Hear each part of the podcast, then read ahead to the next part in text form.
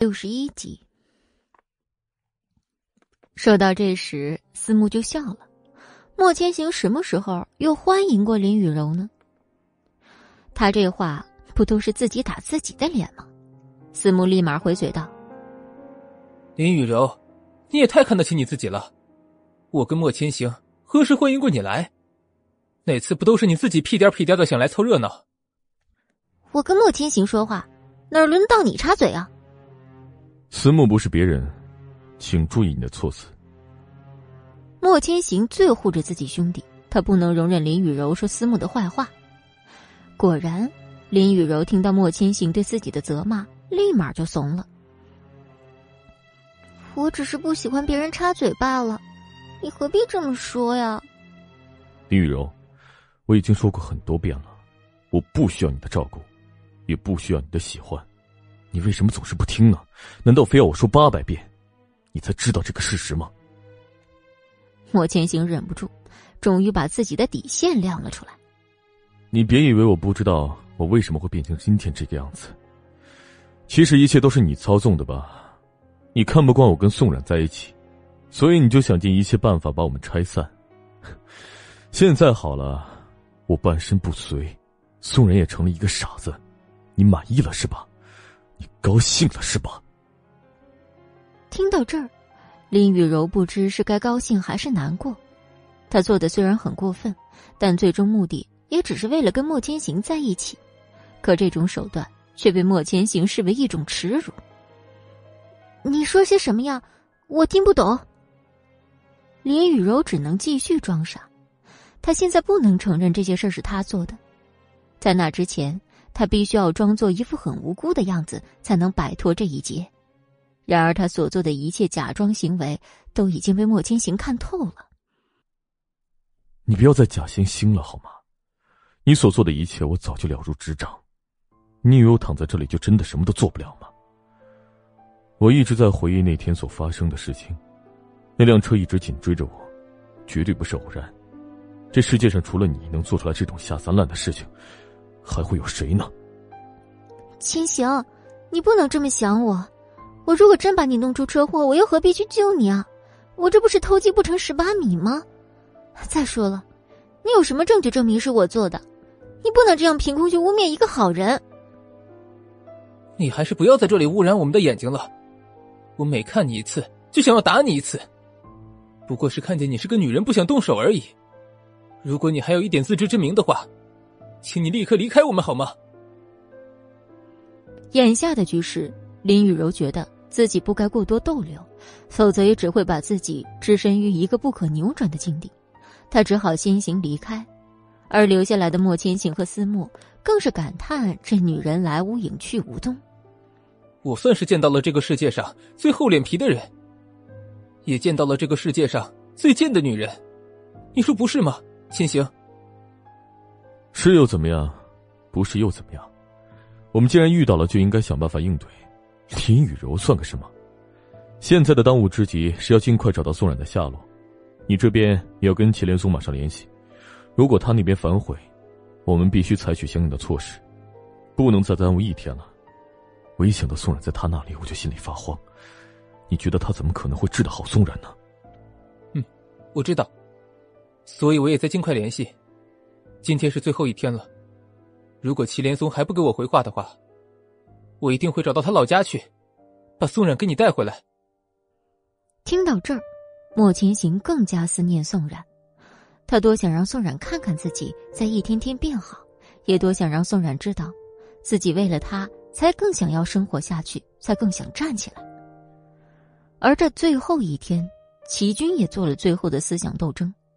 他看着宋冉在自己面前走来走去，拉着自己的手，各种动作，突然就流泪了。他很少哭，可以说一只手能数得清哭的次数，而这第一次就献给了宋冉。你知道我有多喜欢你吗？喜欢的我都忘了我自己是谁。喜欢到我从一个高冷的人，变成了一个死缠烂打的人。为了跟你在一起。我费尽心思，想尽办法，也做错了很多事，伤害了很多人。但是我就是想要跟你在一起。可是为什么我们好不容易能够在一起了，你却疯了呢？难道跟我在一起的时光，就让你这么难过吗？听到这儿，宋然好像感觉出什么，但他也只是笑着。然而，当他看到齐军流眼泪时，用自己的手轻轻擦拭着齐军的眼泪。不要哭，哭了就不好看了。此时，齐军一把抱住宋冉，感受他最后的温度，因为他知道，为了让宋冉能够好起，他也必须将宋冉还给莫千行，这也算是他送给宋冉最后的礼物吧。可一想起这种，心还是会隐隐作痛。最后。他还是拨通了祁连松的电话，把宋冉接走吧。趁我还没有反悔之前，如果莫千行敢对他不好，我第一个怪的人不是他，而是又把他从我身边抢走的你。对于祁军而言，最痛苦的不是亲手把宋冉还给莫千行，而是逼着自己把自己最爱的女人还给对方的人，竟是自己的亲生父亲。祁连松跟祁军之间有不可逾越的鸿沟，这条鸿沟是怎么都没办法跳出去的。祁连松听完之后，从酒店赶到祁家，他身负重任，要把宋冉送回国，同时也要让祁军跟宋冉彻底做一个告别，因为他早已打算好让薇薇安做自己的儿媳妇儿。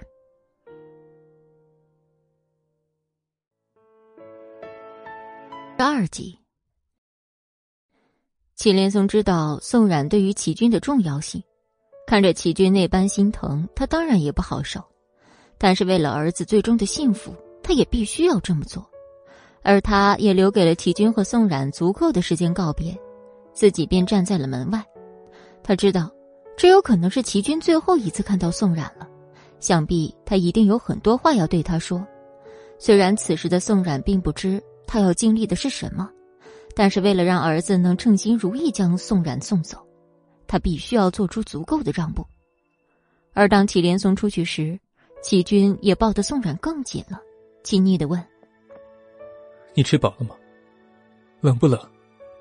需不需要穿件衣服？”宋冉根本不知道祁军想问的到底是什么，只是按照自己的想法摇摇头说：“吃饱了也不饿。”看如此乖巧的宋冉。齐军更加舍不得，你可千万不要怪我，我也是没有办法。如果能把你留在身边，可以让你快乐的话，我也想这么做。但是事实上却不能。等你到了那边以后，请一定不要忘记我，好吗？宋冉完全不懂齐军在说什么，他只是以为自己要跟他出去郊游才会穿这么厚。然而今天的早饭，他都是努力吃的饱饱的，因为他要四处蹦的。如果吃不饱的话，他很可能要饿肚子。对于他的认知，他也只能记住这些了。然而，当他看见大门口停着一辆车时，更是开心的连理都没理齐军就跑了出去。此时的齐军已经压抑不住自己的感情，他再也不想经历这一幕了。一想到自己跟宋冉短暂的相处时光，就觉得这几个月过得像流水一样快。也是时候让他还给宋冉一个平静的生活。虽然他知道目前行动不便，莫千行可能照顾不好他，但是他相信宋冉回去之后可能真的会变好。那样的话，他所做的一切牺牲就是值得的。虽然出来时，祁连松便让人将他带到了车上。看着宋冉离自己视线越来越远，齐军的心就像是碎了八瓣一样疼。直到车子驶离出自己的视线，他的心才一点一点恢复了平静。他希望从自己身边走出去的宋冉是快乐的，是值得的，也希望自己能够尽快放下宋冉，重新开始自己的生活。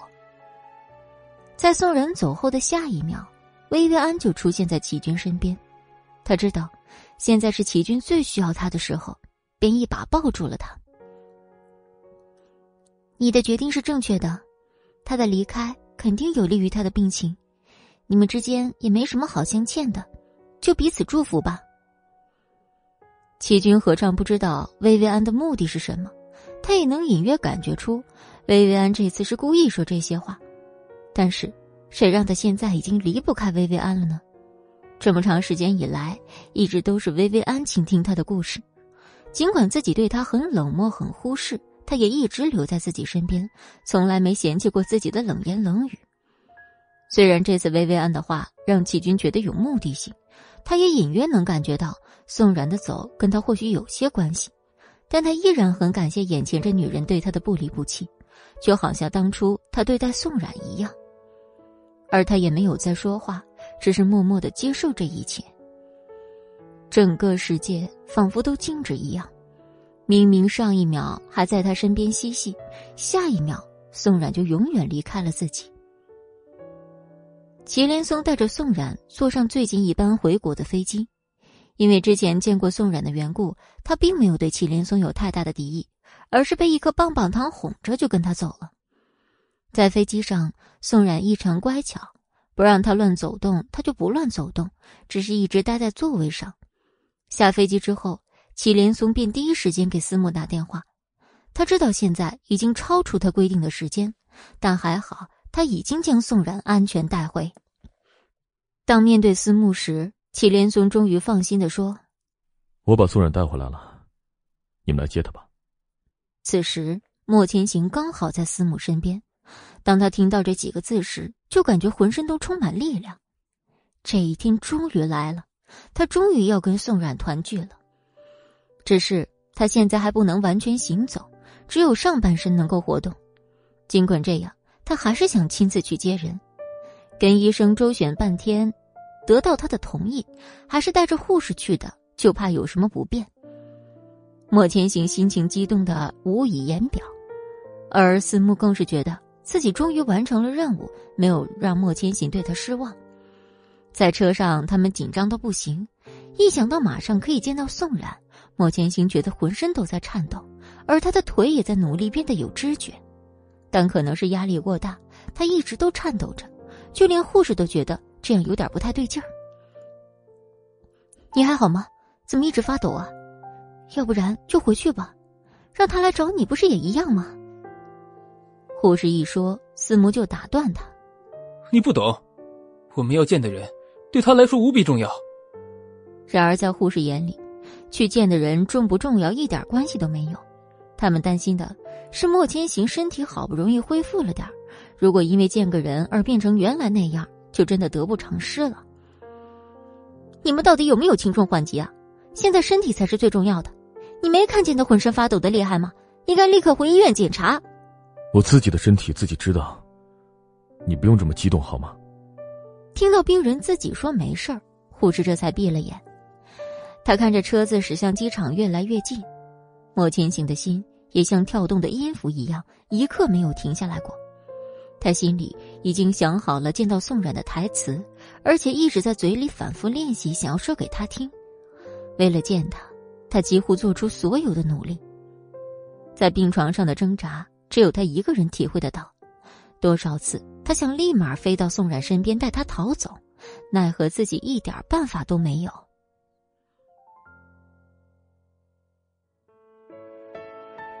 起。可是当那些话真正到自己嘴边时，却发现说出来是那样的难。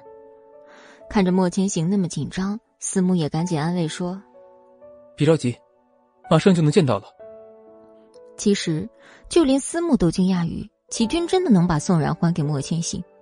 他知道齐军对宋然的喜欢一点也不亚于莫千行，这次能放手，肯定也做了很久的思想斗争。但是他也由衷佩服齐军能够真正为宋冉着想，将他真正爱的人还给他。眼看车子已经到了机场，思慕赶紧下车，拿出轮椅推着莫千行一步步向大堂走去，而祁连松更是带着墨染在那儿默默的等着莫千行。看到他们的那一刻，祁连松彻底放心了，他叫宋冉慢慢的到他身边，我把他带回来了。也希望你们不要责怪齐军，这件事情跟他真的没有什么关系。莫千行不想怪齐军，但当他看到曾经一个伶俐的女孩，现如今变得这般疯疯傻傻，他想不去责怪齐军对宋冉做了什么，才导致他现在这个样子。他更是看着祁连松说：“你这样，让我怎么不责怪他呢？你自己看看宋冉现在变成了什么样子，你们到底对他做了些什么？为什么在这短短的几个月内，他现在竟成了一个三岁小孩？真的很对不起，是我们家的过错，没有把宋冉照顾好。但是，请你相信，齐军真的没有想要害他的意思，他也不知道为什么会变成这样。现在我们已经把人给你还回了，所以请你也不要追究他的责任了，好吗？祁连松最担心的就是莫千行会打击报复。他早知道莫千行看齐军不顺眼，也知道他们俩之间的关系已经到了白热化的程度，只是觉得如果自己不加那些话的话，很有可能齐军就会成为莫千行下一个攻击目标。所以为了儿子，他只能低声下气，在所不惜。周围的氛围一下子变得尴尬起来，而宋冉更是面对一个从来没有见过的环境，小心翼翼，一直躲在祁连松的后面。爷爷。我要回家，我要找哥哥，我不要在这儿。听到这儿时，莫千行更是一脸懵。眼前的人只能说是他的父辈，可宋冉却叫他爷爷。看来，启军说的一点都不假，他真的是一个三岁的低能儿，不然也不会连祁连松当做爷爷来讲。别怕，他也是你的亲人，你忘了？祁连松故意引导宋冉。他希望能够尽快让宋冉跟莫千行熟悉起来，也算是自己对莫千行的一个回报。但眼前的宋冉看到一个陌生人，根本没有像见到齐军那样亲切，反而更视他为敌人。他不是我的亲人，我的亲人只有哥哥。爷爷，你快把我带回去吧，我想哥哥了。听到这时，莫千行更觉无比扎心。以前他那么爱的一个女人。此时却一点都不想找他，只想回去。他顿时觉得无地自容。而思慕看在眼里，疼在心里。明明那么一个活泼可爱的女孩，却变成这般模样。而且很明显，宋冉现在根本没把他们当成亲人，一心只想回去。如果是这样的结果，那他们所做的一切又有什么意义呢？宋冉，你好好看看，他是你最爱的人呢。你曾经为了他。都能够牺牲掉自己的利益，难道你都忘了吗？你快点醒醒，不要再这样傻下去了。当思慕说出这些话时，机场所有人都盯着他看，大家都很不解，为什么三个男人要围着一个女人转？然而，只有莫千行一个人待在那儿，一句话也不说。直到现在，他也无法接受这个事实，在他眼里，宋冉是他的唯一，是他的一切。然而现在，他最爱的女人却将别的男人视为最爱，一时之间他真的接受不了。我知道了，那我们就带宋冉回去了。莫千行冷不丁的说了这么一句话，他的淡定让思慕跟祁连松都叹为观止。好在祁连松此刻也不知道该说什么好，只是将宋冉交给了莫千行，但宋冉还是不愿意跟他走，一直不松手。祁连松只好强行将宋冉拽到思慕那边。你快把他抱走，记得给他买块糖就好了。思慕不得不答应祁连松的要求，直接让宋冉送上车。虽然他一直挣扎着，但思慕从来没有撒过手。只是在车上时，宋冉一直闹个不停，疯狂的说想回家。思慕也拿他没办法。当车子驶过郊外时，他看到一旁有家便利店，便自己下车给宋冉买了一大堆的糖果。看到糖果的宋冉终于消停了一会儿，边吃边玩起来。只剩下思慕跟莫千行在车里静止着，一句话都不说。他们有想过最糟糕的结果，当时当宋冉以如此面貌在他们面前出现时，那种心痛就像被撕裂了一样出现在心里。这还是他们认识的宋冉吗？这明明就是一个孩子。莫千行的心情并没有因为宋冉回来而变得开心，反而变得更加沉重。他不知道自己该以什么样的角色来面对宋冉，自己又应该把宋冉当成什么？特别是当他听到宋冉那句“我想哥哥”的时候，他真的恨不得把齐军剁成八瓣。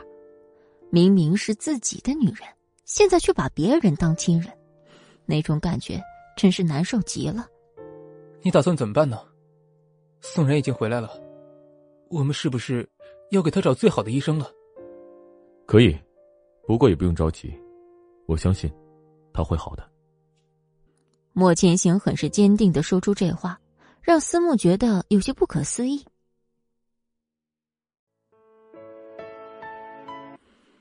第二百六十四集，听到这句话的思慕觉得有点不可思议，他没想到莫千行居然如此自信，连医生都不急着找，就觉得宋冉可以好起来。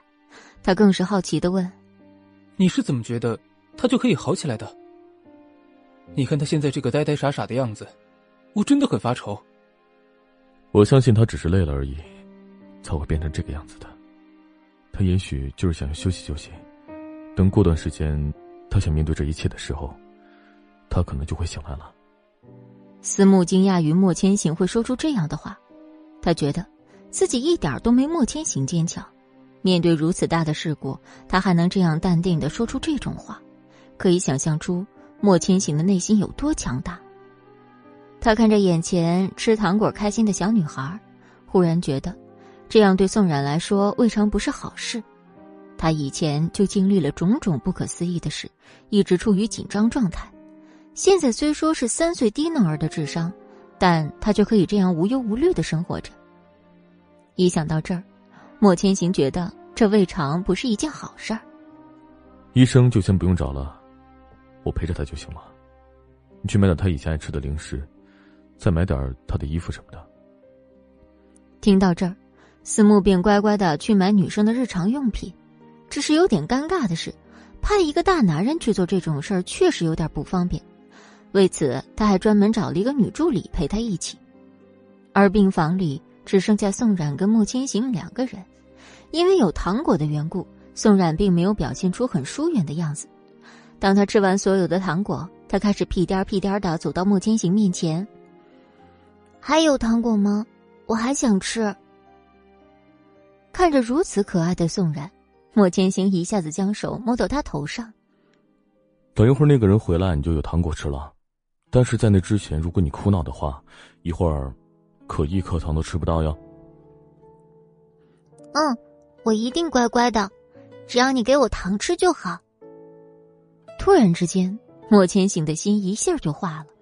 他觉得只要宋冉能回来，能出现在他身边，就比什么都强。无论他是疯是傻、残疾健全，他都愿意接受这样一个女人，因为他也是打心眼里接受她。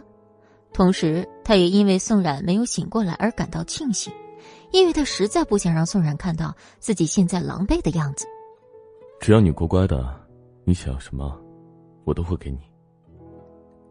莫千行已经换了一种温柔的语气，想知道以前他从来不会这么温柔的对宋冉说话。而现在面对一个如此小的孩子，他是含在嘴里怕化了，捧在手里怕丢了，恨不得二十四小时都在身边宝贝着。没一会儿，思慕就带着一堆零食，还有一些日常用品回来了。他身边的助理更是提着两大兜衣服。看莫千行跟宋然两个人在房间里说说笑笑，没有一点违和的样子，他就觉得很是奇迹。没有想到，莫千行对待宋然还这么有一套。刚才出门时还担心宋冉会不会又哭又闹，没想到回来却是如此一番风景。他立马对莫千行说：“原来你还有对待小孩子的天分。快看，这是我给他买的，吃的、喝的、用的，真是快把我累死了。没有想到照顾一个女人居然这么的麻烦。”行了，别说废话了，家里都收拾好了吗？我想尽快出院。在这里住也不方便。不行，你现在的身体还没有变好，想回家，等再过一段时间吧。等你的腿彻底好起来之后，要不然这样整天医院家里两边跑，对你的身体只有坏处没有好处。莫千行之所以想回家，只是担心宋冉在这吃不好喝不好，再加上环境也不好，他现在跟小孩子没什么区别，也容易沾染病菌。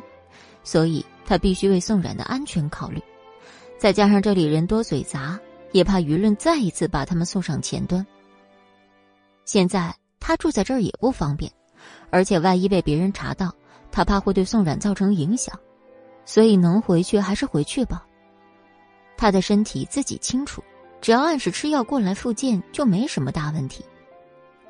司母听莫千行这么说，也不好拒绝，毕竟莫千行一直以来都是一个有分寸的人，他也只好前去跟医生沟通，让随行护士跟着莫千行一起回去，而他也打点好家里的一切，就是为了让宋冉回去住的舒心。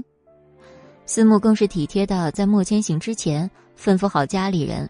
把一个房间装成了儿童房，就是为了让宋冉能感受到家的感觉。当佣人们知道宋冉要回来，简直惊呆了。明明一个消失的人，现在却能回来，他们都觉得不可思议，也为莫千行感到开心。他们都知道，自己的少爷有多在乎宋冉这个女人，并把家里打扫得干干净净，就是想让莫千行知道，整个莫家跟他都是一心的。而莫千行更是借此机会买了很多与小朋友相处的书，他想更进一步了解宋冉的内心世界，也想通过陪伴来感化宋冉，弥补自己之前对他所做的过失。虽然医生极力不同意莫千行出院，但是在他的坚持之下，还是在第二天出了院。回到家，为了他健康着想，司母还请来专门的私人医生留在家里照顾莫千行。万一有什么事情，他也好及时沟通。当宋冉搬进来的第一天就很开心，因为思慕为他装修的房间就跟齐军给他装修的房间没什么两样，他好像回到了一个熟悉的地方，一样开心的跑来跑去。莫千行坐在的专门的轮椅上，跟着宋冉一起跑，若不是这轮椅是电动的，他还真的跑不动。十五集，要不是有轮椅，莫千行早就累趴下了。还好这轮椅的速度刚刚好跟宋冉匹配，他也可以随时跟着他，以免他摔伤。只是每当这个时候，他都想快点站起来，这样的话他就能更好的照顾宋冉了。为了迎接宋冉回来，思慕更是找了五星级厨师做了一顿特别美味的大餐。当他们三个人一起坐在桌子上吃饭时，就仿佛回到了高中那一幕。三个人也是一起上学，一起吃饭。每当想起这一幕，他就会特别感慨。千行，没想到我们三个人还能有今天，不容易啊！我敬你一杯。说完，思慕将一杯白酒一饮而尽。他一向以红酒为爱好，但今天突然来点白的，也是心情好。毕竟宋冉跟莫千行都是他最好的朋友。两人经历这么多坎坷还能在一起，也让他再一次对感情产生了信任。而目前看思慕喝的如此之多，赶紧劝道：“你这是干啥？喝点意思意思就行了，何必把自己搞得这么醉呢？”你不懂，你可知道，我从一个不相信这个世界上会有爱情的人，到相信，完全都是因为你对宋冉的态度。我以前从来都不知道，一个人可以对另外一个人如此的好。一想到这儿，莫千行就开始同情起思慕了。与思慕相比的是，他有一个健全的家庭，爸爸妈妈也很恩爱、很宠他。若不是因为七年前那场车祸，他也会是一个幸福的三口之家。但思慕就不一样了，他从小父母离异，爸爸妈妈都不想要他，他是跟着爷爷奶奶长大的。思慕的爷爷奶奶又跟莫千行家里是故交，两人便走到一起。从小到大，思慕想要什么，莫千行都会满足他，因为他早已把思慕当成自己的亲生弟弟，而思慕也把莫千行当成自己的亲哥哥看待。两人早就不分你我，但唯独感情这件事儿，思慕从小就跟莫千行有很大的不一样。当别的女孩追他时，他只会意思意思，没过两天就会分手。而莫千行在遇到宋冉之前，从没跟女生搞过暧昧，甚至连说废话都不说。这一点也是思慕尤为佩服莫千行的，所以他才会如此感慨。今天高兴，你就别管我了。我也祝你跟宋冉百年好合，长长久久。希望你们再也不会有不好的事情发生，也希望冉冉能够快点醒过来。你的腿能够快点康复。既然你喝，那我也喝。今天高兴，我们就不醉不归吧。啊，我可以喝，你可不能喝。你现在还生着病，等到哪天你身体完全好了，我们再不醉不休。今天呢，你就以茶代酒跟我喝就行了。到这个时候，司慕还十分体贴莫千行的身体，所以他很自觉的将那壶茶给莫千行递过去。他们两人在这儿把酒言欢，而宋冉一直低着头吃着自己喜欢的食物，三个人好像又回到之前的状态。莫千行跟思慕两个人打牌，宋冉就一个人默默的写作业。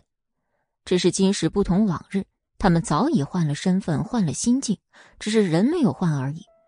直到这时，思慕突然说道：“你知道我最佩服你哪点吗？”莫千行当然不知道，他一直都琢磨不透思慕的点，无论是他开心还是他难过。我最喜欢的。就是你对宋冉的态度，无论他变成什么样子，你都是那么的爱他。可我却不行，就算我再喜欢一个女孩子，我都只会喜欢一段时间，而不会一直喜欢。唉，这也是为什么我单身的原因。我总觉得那些人会伤害我。我也总觉得我会跟他过不长久，可是我却偏偏忘了，在感情中，更多的是需要自己去付出，而不是一味的去等别人付出。听到这里时，莫千行便已经开始同情起思慕了。他这种情况，他也不是不知道，也能理解，只是他一直都忽略了很重要的一点，那就是。思慕对感情的严重不自信，全部于来自他父母给他造成的阴影。在别的小朋友都有父母陪伴时，思慕只能一个人乖乖在家写作业；当他跟父母一起吃饭时，思慕只能一个人孤苦伶仃，吃着爷爷奶奶给他留下的饭。因为那时他爷爷奶奶也很忙，也没有办法照顾他，只能要佣人给他做饭。再加上爷爷奶奶身体不好，所以经常需要思慕去帮忙照顾。而他的父母早已组建了家庭，可以说好几年都不会跟他联系一次，就好像忘了自己曾经有这么个儿子似的。你也会有这么一天的，你一定要知道，你一定会遇到一个你最喜欢的人，并且想为他付出所有。思慕，你一定可以的，要对爱情有信心哦。思慕听完之后就笑了，他也想对爱情有信心。可事实告诉自己根本就不行，因为他早就把爱情视为粪土。能看到莫千行坚持下去，他已经很欣慰了。这时的他们开心的享受着团聚的快乐，而另一边远在他乡的齐军却深深尝试着失去的痛苦。他原以为自己有了薇薇安之后，对宋冉的思念会少很多。可是，谁知道，宋冉走的半天里，他的心里像空了一样难受。他无时无刻不在想着宋冉，无时无刻想着应怎么让他回来。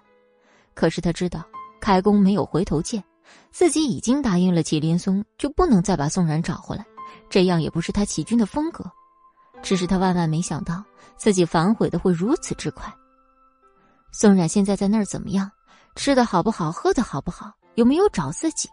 然而他最担心的还是宋冉有没有适应那里的环境。六十六集，齐军的思绪很快被薇薇安发现。他看着他说：“你在想什么呢？还不吃饭？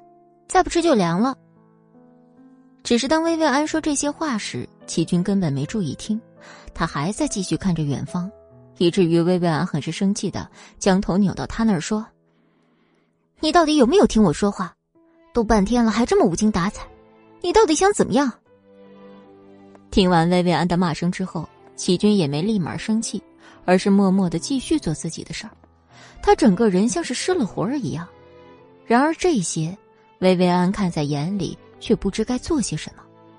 他早就能猜出，齐军这样子都是因为宋冉，可是奈何自己一点办法都没有。谁让他爱宋冉比爱自己多呢？当天他就拉齐军去婚纱店。准备拍一套自己的婚纱照。去的时候，齐军还不知道要去哪儿，还以为是要跟薇薇安散心，没想到他们居然来到了婚纱店。但是他也不好拒绝不拍，因为他早就答应好薇薇安要跟他结婚。只是，在他跟薇薇安试婚纱照时，脑海出现的新娘却不是他，而是宋然。一想到这儿，齐军就觉得自己可恶至极。明明一直陪伴自己的人是薇薇安，可是自己却未曾给过他十分的爱。当时他就决定，一定要让自己尽快跟薇薇安结婚，只有这样，他才会彻底忘掉宋冉，也才会彻底跟他断绝一切关系。就在这时，身穿白色婚纱的薇薇安美丽大方的从试衣间里出来，她那美的样子就像是人鱼公主一样。可就算是如此美丽的新娘，齐军看到始终无动于衷，就感觉跟平时没什么两样。但是为了让薇薇安开心，他也只能敷衍的说一些漂亮话。你能不能认真对待这件事儿？你知不知道，我盼望跟你结婚有多久了？如今宋冉也走了，你还想怎么样？你是还想让我继续这样无望的等下去吗？对不起，是我没有考虑你的感受。走。我们去拍婚纱照吧。我就是没有睡好，有点累而已。你如果没睡好的话，可以跟我说呀，我换一个时间去拍婚纱照。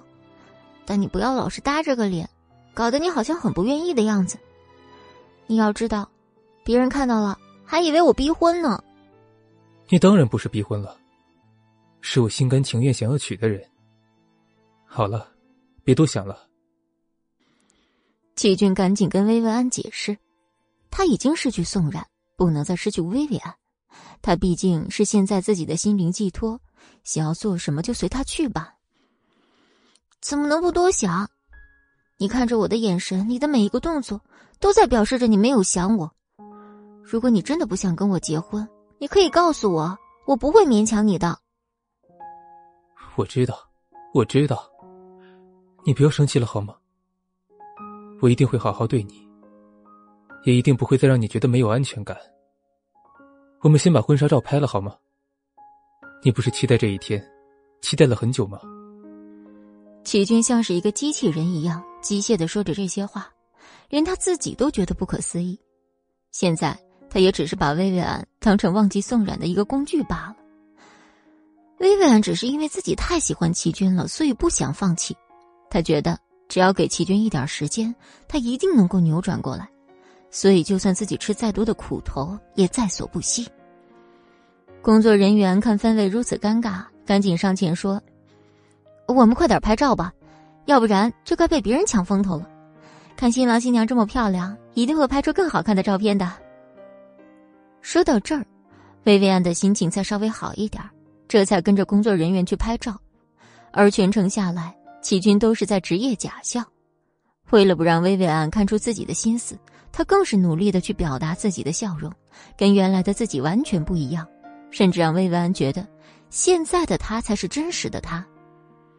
时间一点一点在过去，照片也拍的差不多了，薇薇安这才想到，他跟齐军还没有买订婚戒指，非要拉着齐军去，直接把订婚戒指跟结婚戒指一起都买了。而此时的齐军根本没有兴致买戒指，只好以自己身体不舒服为由。我现在有点难受，我想去医院一趟，你能陪我去吗？走，快去看看你到底怎么了。我就说你今天情绪不高，原来是生病了。我们去医院，如果发烧就糟糕了。其实齐军没发烧，他只是想让他们结婚的日子再晚一点，因为他缓冲的还不够。他还需要一些时间忘掉之前发生的一切，忘掉宋冉的一切。只是他们刚到医院，就碰到了一个老熟人儿。这个人就是之前跟齐军谈过合作的林雨柔。她还是像一只骄傲的花孔雀一样站在那儿，到处表露自己不屑的眼神，看着齐军，更是一副想要讨伐的样子。齐军更是没想到，这女人竟有如此手段，连自己在西雅图的窝都能翻到。想必也费了不少功夫，一般人找不到这儿。一看到林雨柔，就觉得有点陌生又熟悉，还是让人觉得阴毒。只是薇薇安并没见过这个女人，看到林雨柔看齐军的眼神不对劲儿，他还以为是齐军的老情人。你是谁？怎么一直盯着我们？有什么事吗？听到声音之后，林雨柔立马将视线移到眼前的女人身上。一起。林雨柔之前还一直纳闷儿为什么齐军会如此痛快的让宋冉回来？看到他身边的薇薇安之后，便恍然大悟，原来是有了新欢便忘了旧爱。可这并不是林雨柔想看到的。我是这位的老朋友了，这次来也是专门来找他谈一些事情，你说是吧，齐军？听着林雨柔熟悉的声音，齐军就觉得没什么事好说的。林雨柔来找他，当然是为了宋冉的事儿。他早就听说宋冉被祁连松送回来的事实，更觉得祁军脱不了干系。明明他们早就商量好，他会带着宋冉远走高飞，没想到。竟然让自己的父亲将宋冉带了回来。虽然他知道现在的宋冉对他来讲没什么威胁，但是以他对莫千行的了解，他是断然不会放弃宋冉的，也一定会一如既往的对他好。一想到这儿，林雨柔就觉得齐军这个猪队友怎么把宋冉送回来了呢？他来了才知道，原来齐军也会嫌弃宋冉是个傻子。哼，我还以为你多爱宋冉。没想到疯了，你就会另寻新欢，算我看错你了。你来干什么？关你什么事？再说了，你了解事实的真相吗？你就这样说，我不想再看见你了，请你离开。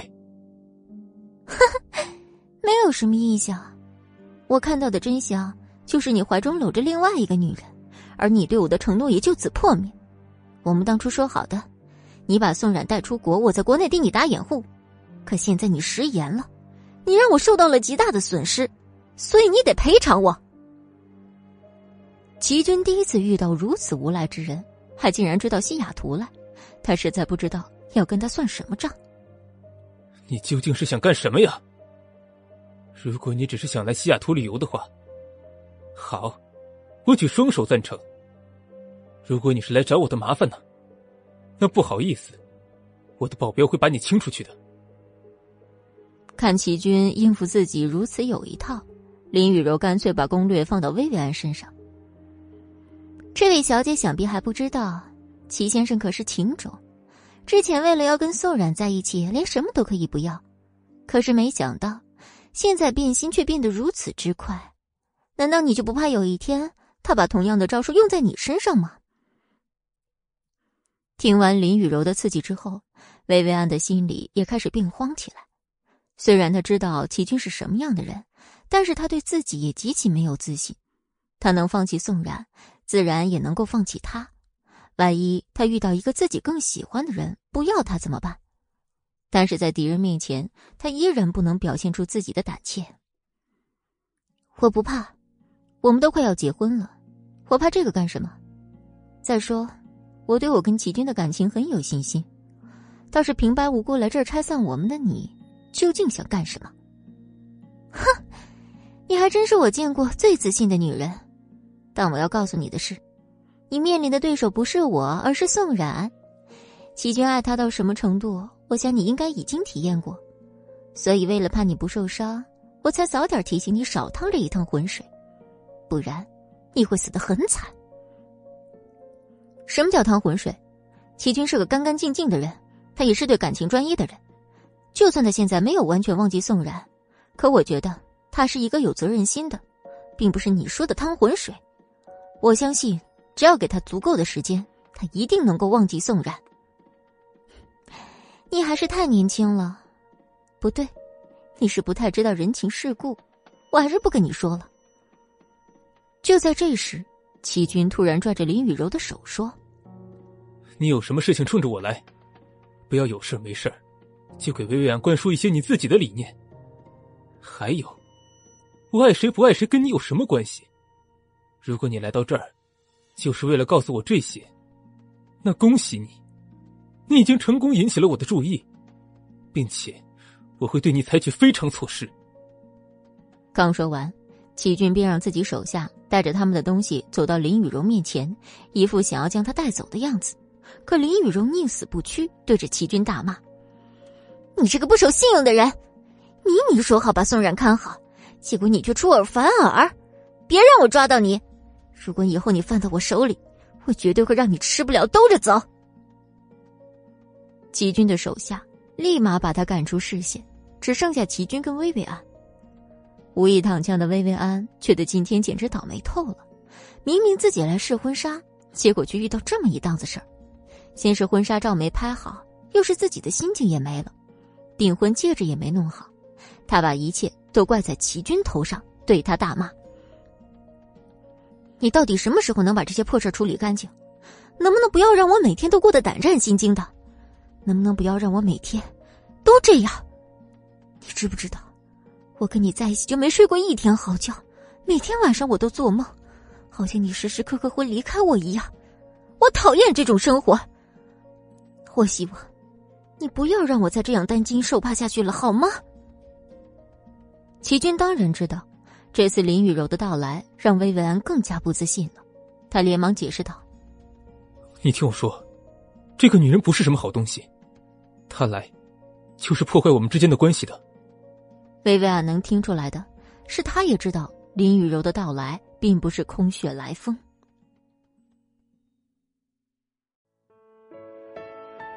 百六十八集，此时薇薇安已经毫无耐心可言，她的神经也已经被齐军跟宋冉之间纠缠不清的关系给弄得错乱。本来薇薇安对自己就没有自信，林雨柔的到来更是让他觉得自己为齐军所做的一切。都像是一场笑话。我怎么可能一句都不听呢？你跟宋冉之间如果真的什么都没有，为什么那个女人会千里迢迢过来找你？你到底安的什么心啊？此时的薇薇安已经失去了理智，她已经无法让自己恢复之前的冷静。现在的她只想为自己讨个说法，但任何事情都不是自己想象的那么简单的。我都已经说过很多遍了，如果说……我真的还想跟宋冉有什么的话，我还会把宋冉送回国吗？我承认，我还是无法忘记他。但是，现在陪伴在我身边的人是你。我知道应该珍惜谁，又应该去忘记谁。齐军的话给薇薇安一颗定心丸，他知道能让齐军说出这样的话不容易，自己也不敢再去逼问齐军。但是在他心里，自己始终是不自信的那一面。好，你最好说话算话。我不是死缠烂打的人。如果我发现你并不爱我，我以后也不会再来找你。薇薇安也惊讶自己会说出这样的话，但是他知道，自己今天是鼓足了勇气跟他摊牌。齐军更是觉得，眼前的形势有点出乎意料，他自己突然不知道自己是对还是错。回到酒店的林雨柔也是气愤的不行，她万万没想到，在她眼中把宋冉爱的死去活来的齐军会突然变心，竟如此的让人难以捉摸。好多事情都跟自己想象的不一样。现在宋冉回到了莫千行身边，虽然宋冉是个傻子，但丝毫没有感觉出莫千行对他的嫌弃。据他的了解，莫千行还给宋冉重新装修了房子，这让林雨柔更是大跌眼镜。他了解的莫千行一直是一个死要面子活受罪的人，能这么快就接受宋冉已经变得疯癫的事实，实在是难上加难。莫千行如此对宋冉尽心尽力，只会加深他对宋冉的仇恨。他也必须要借助薇薇安得手来彻底除掉宋冉，否则难解他心头之恨。而另一边的莫千行，虽然自己还不能行走。但是却整天坐在轮椅上跟宋冉到处乱跑。虽然现在的宋冉并不是他之前喜欢的样子，但是在宋冉的脸上却出现了很多他之前没看过的笑容。就连思慕都佩服起莫千行的耐心，看着他说道：“每天跟一个小孩子待在一起，你真的一点都不会觉得腻吗？”思慕的话，同时也在提醒着莫千行，但是在他心里，自己对宋冉到底是什么样的感情？他还是很清楚的，不会。如果你遇到一个想要用生命去保护的人，你就知道，我为什么会这样子了。莫千行的话，齐军不是不知道，他也知道莫千行对宋冉的感情很特殊，但是没想到竟会如此用心。在他的印象里，莫千行只爱过宋冉一个女人，还是如此惊天动地的程度。思慕他自己都觉得自己永远都达不到这个程度。唉，你的境界，我这辈子都达不到了。我还是坐着看你们吃狗粮吧。你老大不小的了。该找个人好好管管你了。莫千行很直接的说：“不想看着思慕老是一个人瞎折腾。思慕一直都是万年单身狗，跟他说等于没说。我你就不用操心了，兄弟不缺喜欢的人，但是缺一个自己想要爱到骨子里的人。我看你就是站着说话不腰疼，等什么时候你人老珠黄了还没有着落，就知道我现在的忠告有多重要了。”其实，就连莫千行都很惊讶，为什么自己现在这么想要看到思慕有一个归宿？但这些日子静养，他发现，经过生死之后，会更加珍惜现在的时光，也更想看到身边的人能有好归宿。千万不要像自己，想做的事还没做完，就已经变成现在这副狼狈的模样。我当然知道了，但是说实在的，我真没那个心情。你就好好管你的宋冉就可以了。至于我，哎，就让我自生自灭吧。听到这儿，莫千行也不好再说什么，毕竟这也是思慕自己内心的想法，他能做的也就只是督促。时间在一分一秒的过去，此时的林雨柔根本没有办法在酒店里闲坐，他千里迢迢来到西雅图，就是为了让齐军把宋冉带回来的。现在虽然这目的还没达到，但是。他也要为此做点什么，说什么也不会让自己白来。他立即把自己收拾的漂漂亮亮，准备再约见一下齐军的女朋友。林雨柔始终相信，这女人一定会对宋然感兴趣。随后，他便来到齐军家门口。对于他的地址，他早就彻查清楚，这次更是花重金买通了齐军的佣人。此时，齐军刚好不在家，就只剩下薇薇安在家里。他更是没想到林雨柔会找到这儿来。你怎么找到这儿来了？这儿不欢迎你，我们之间也没什么好说的。我还以为齐军喜欢的是什么国色天香呢，没想到也不过是个没礼貌的人罢了。看到客人也不欢迎，反倒这么说话，还是你在国外待的太久，连话都不会说了？我看，不知廉耻的人是你吧？你还知不知道这是谁家？还敢这么在别人家里撒野？请问你是齐军的谁？是谁给你的权利？十九集，我自己给自己的，不行吗？你又能说什么呀？要比不要脸的程度，没人能比得上李雨柔。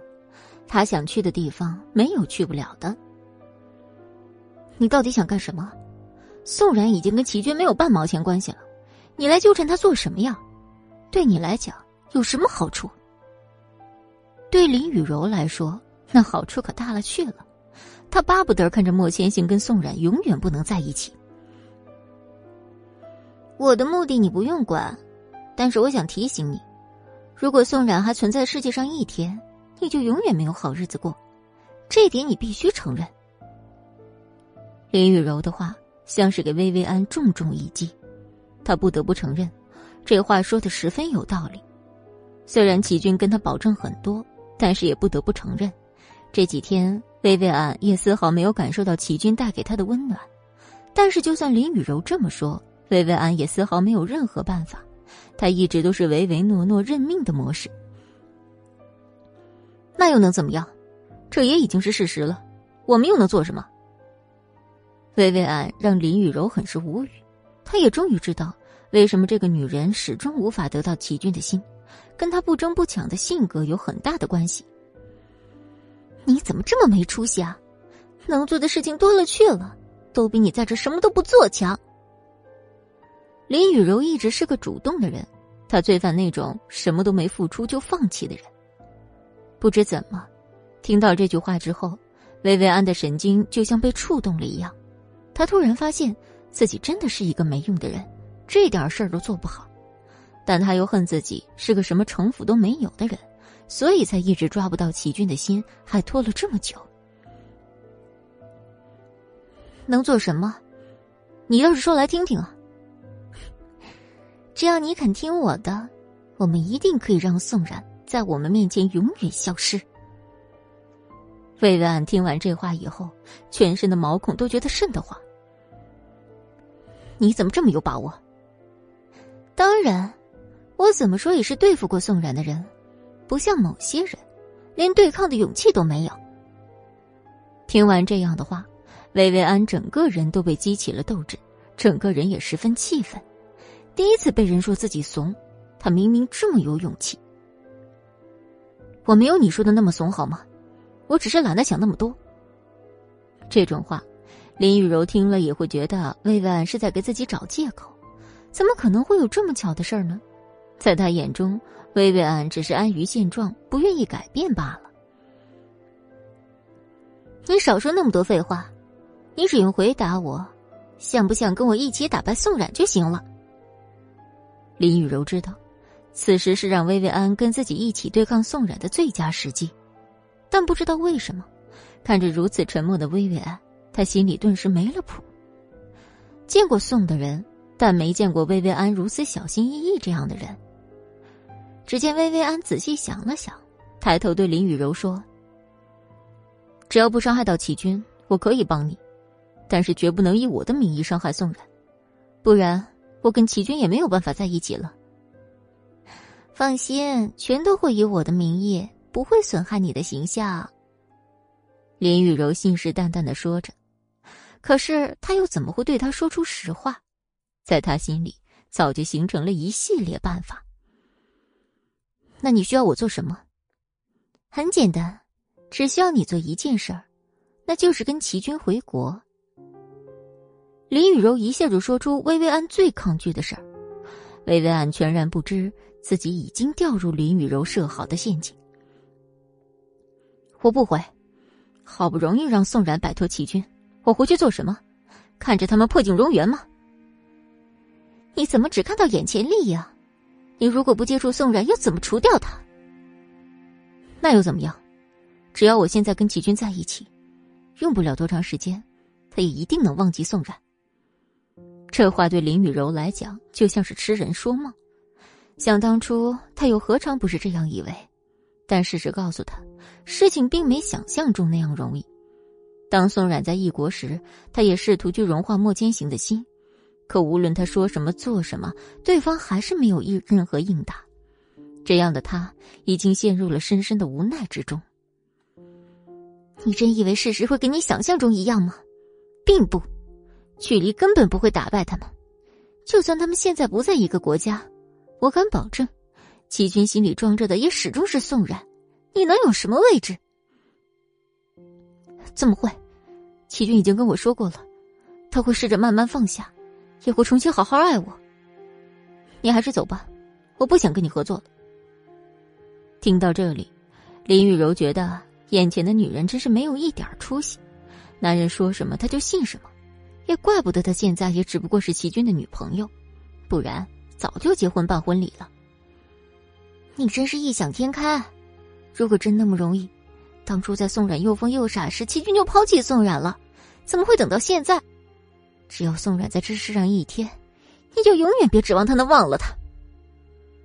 林雨柔铿锵有力的话一直刺激着薇薇安的心房，她也在经受着常人难以忍受的折磨。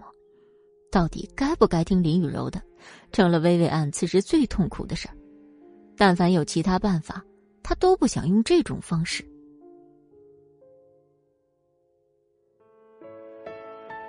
一十集。薇薇安此时内心十分纠结，她不知道自己是该听林雨柔的，还是继续遵从自己的内心。只是每当她这样纠结时，她就像是经历了一场心理战一样难受。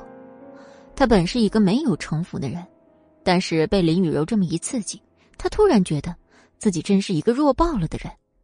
明明自己很想跟齐军在一起，却始终没办法下这个狠心。其实他知道，只要宋冉没了。他跟齐军之间可以说毫无障碍可言，时间一定能够把齐军对宋冉的思念消磨掉。但是，想让他走出这一步，也需要很大的勇气。特别是林雨柔的话，让薇薇安更加觉得，如果宋冉存在在这个世上，那么他跟齐军之间就永远有一道无法逾越的高山。你说的，我当然都知道，但我还需要时间考虑。我不像你，我跟宋冉并没什么深仇大恨。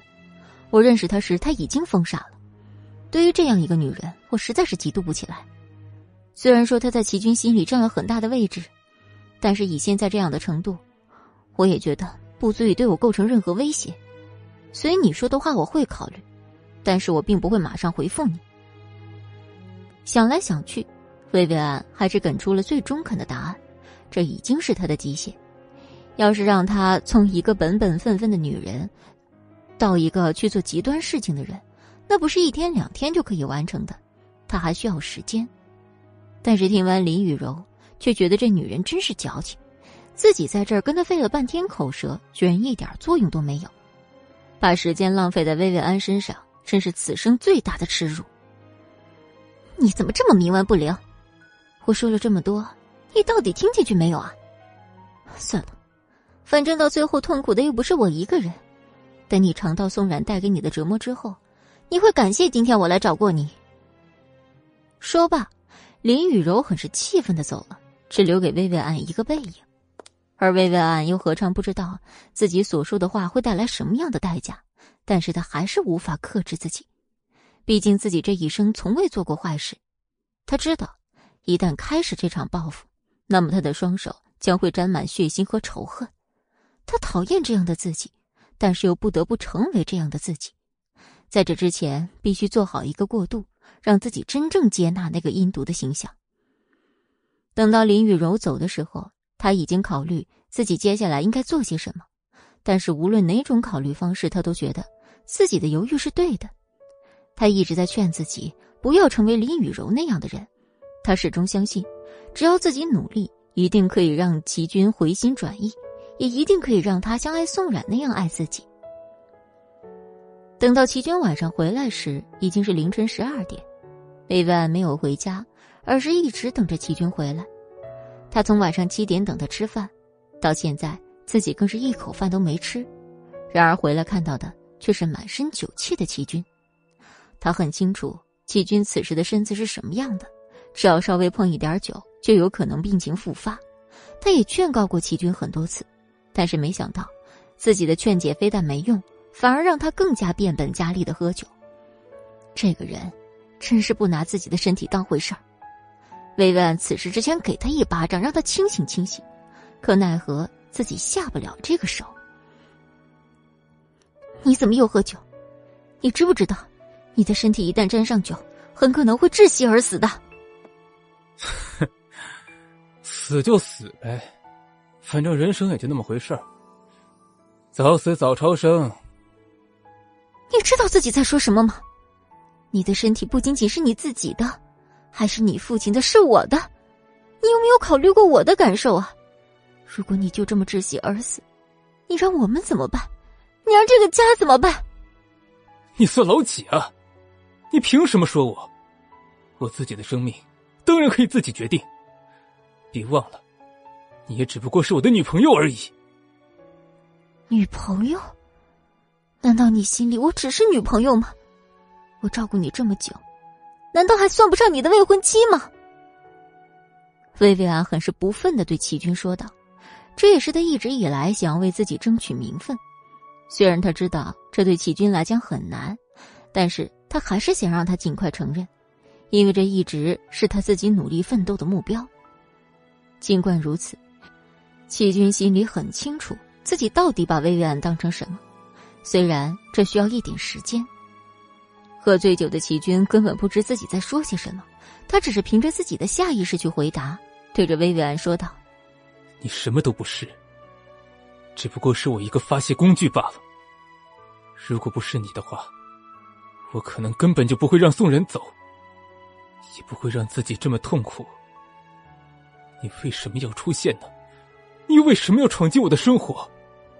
听到这儿的薇薇安简直伤心极了，她终于听到了齐军的心声，也明白为什么林雨柔会那么极端的说自己。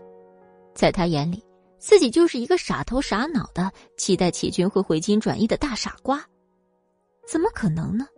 他又怎么可能会比得上宋冉在齐军心里的位置？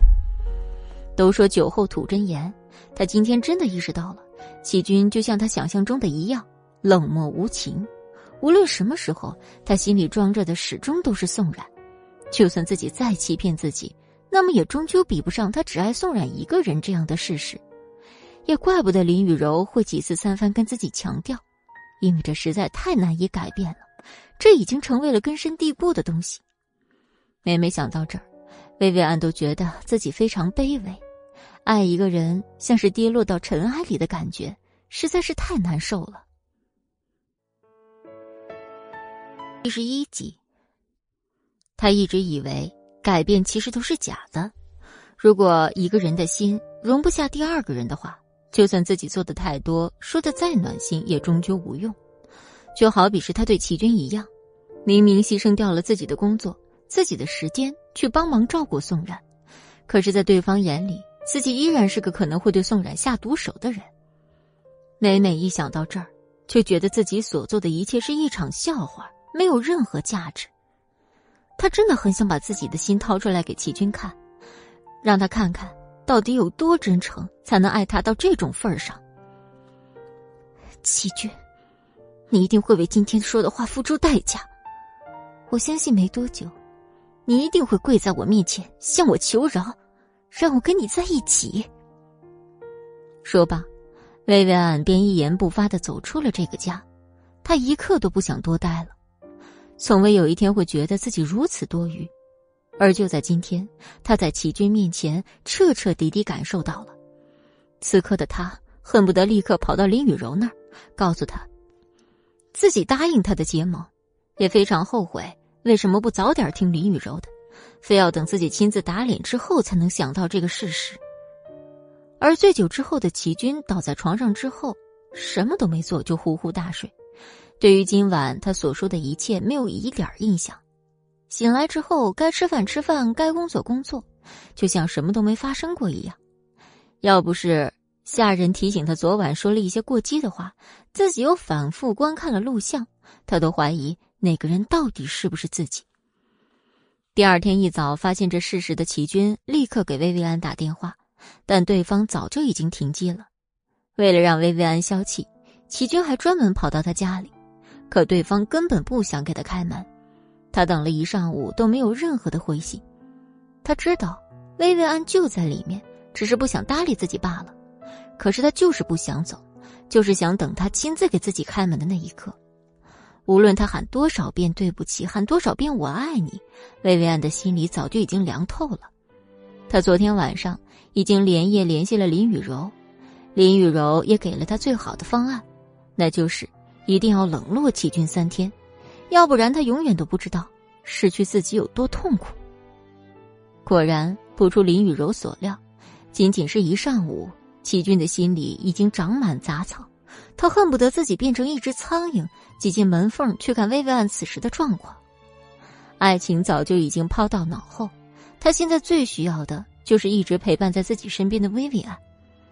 已经喊破喉咙的他，仅凭自己最后一点力气，对着门里的薇薇安说：“对不起，是我错了，是我不应该说那些话。你就看在我喝醉酒的份上，原谅我好吗？”我保证，以后绝对会滴酒不沾，去哪里都会跟你报备。你不要不理我好不好？尽管齐军的语气非常诚恳，但是薇薇安早已明白他的套路。他知道，此时的齐军只不过是寂寞了而已，他根本不是真的想要自己。就算齐军说的再动听，把自己说的再惨，他依然相信林雨柔说的话，因为有第一次就会有第二次。他已经彻底不相信奇迹了，他必须要让齐军长长记性，让他明白失去自己的代价是什么。所以，没有三天，他绝不会理会齐军的。果然，第一天时，齐军就已经撑不住了。他没想到薇薇安会如此狠心，但天色已晚，他也总不能在外面待一晚上，只好低声下气的回到车里。到了第二天一早，他又来到薇薇安家门口，但是他知道薇薇安不会那么轻易原谅自己。为了让他早点不生气，他甚至找来梯子爬上二楼，想从窗户上走进薇薇安家。可是奈何，薇薇安的门窗早就锁好，这就像是专门预防他会爬窗户似的。面对如此精明的他，齐军第一次不知道该怎么办了。有好多次，他也想放弃。其实以他的条件，想要找更好的女生也不是不可能，只是想要找到像薇薇安这么了解自己的女生，真是太难了。他必须要竭尽全力让薇薇安原谅自己，这样的话，他才觉得自己的人生是完整的。但是尽管自己如此用心，薇薇安还是没有被感动。他突然觉得，自己这一次真的过分了。他已经失去了薇薇安的信任，没有办法，他只好以死相逼。对门里的人说道：“我知道你现在还很生气，但是我真的没有办法。如果你就这样一直不理我的话，那么我就一直站在门口不吃饭不喝水，直到你见我的那一刻为止。我希望你知道，此时我对你的心，真的是说一不二的。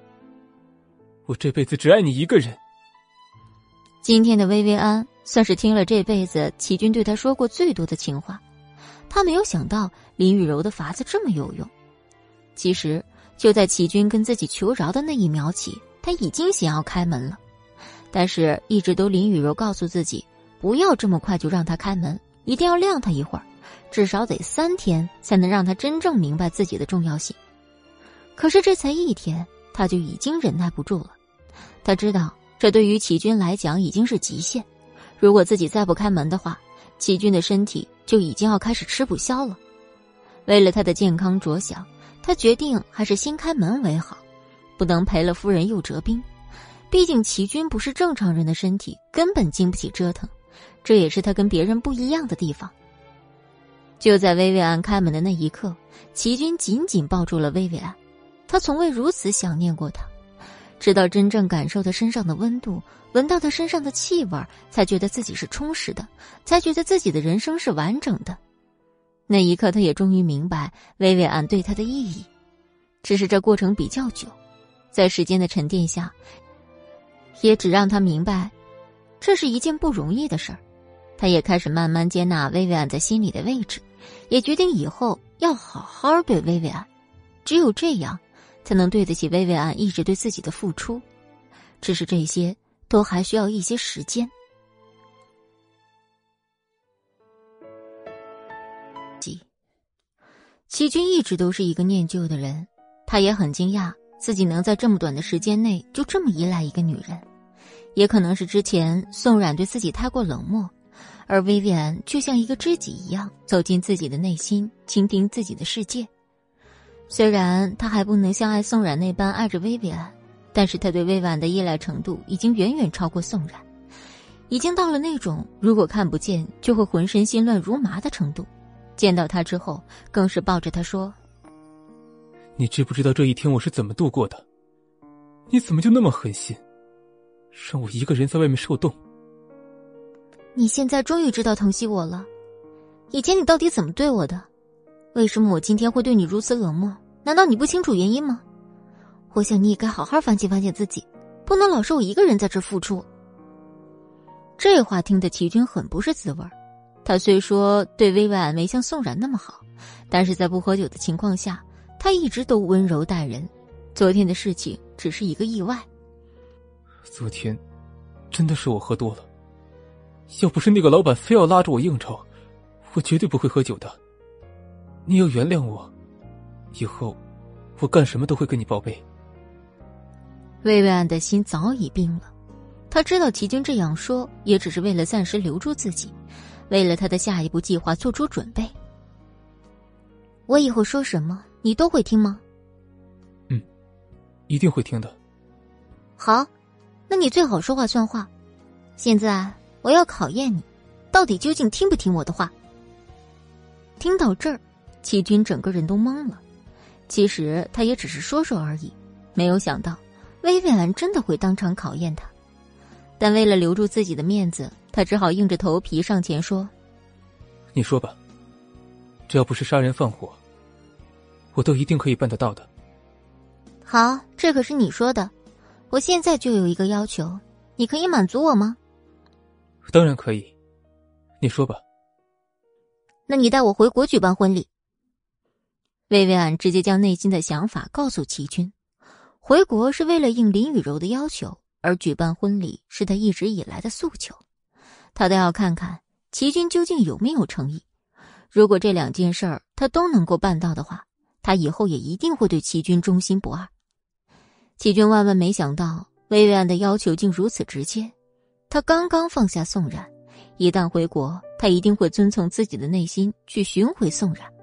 而结婚这件事儿对他来说太过遥远，他根本不想举办婚礼，他只想跟薇薇安过二人世界，在这逍遥自在的西雅图耗费自己的青春。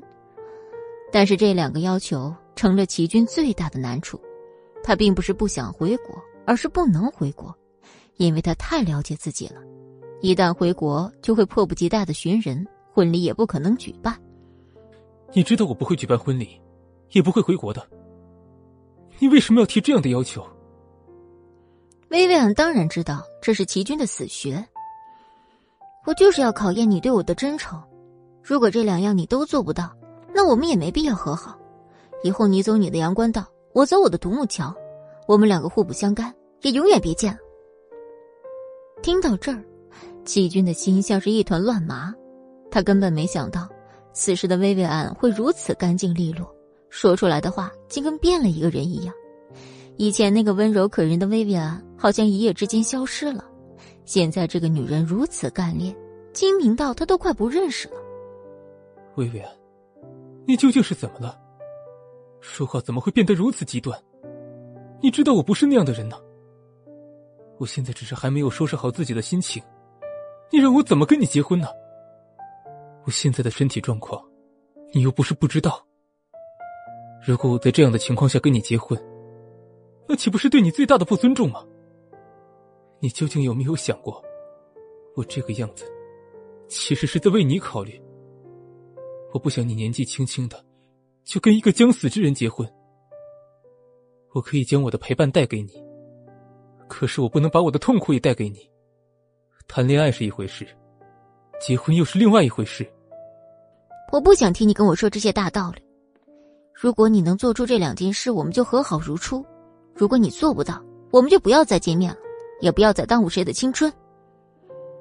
魏婉直接将自己的诉求告诉了齐军，他也知道自己这么做的后果是什么，但是他必须要这么逼一逼他。才能让他清楚，失去自己是多么痛苦的事儿。听完薇薇安的话之后，齐军才知道自己已经陷入了一个两难的抉择。他没有办法真正接受自己要跟薇薇安结婚这个事实，也很害怕自己回国之后真的很难再对薇薇安这么好。就连他自己都没有自信，又怎么可能会给薇薇安自信呢？但是眼下他已经不能再失去薇薇安了，对于这个要求也勉强答应。因为如果不这样做的话，想要让薇薇安再对自己产生信赖，那就太难了。他也十分后悔自己为什么会想去喝酒。如果不喝酒，也许就不会有那么多繁琐的事儿。一想到这儿，思慕就真的很想打脸。可事情一旦发生了，除了补救，也没有什么其他的办法了。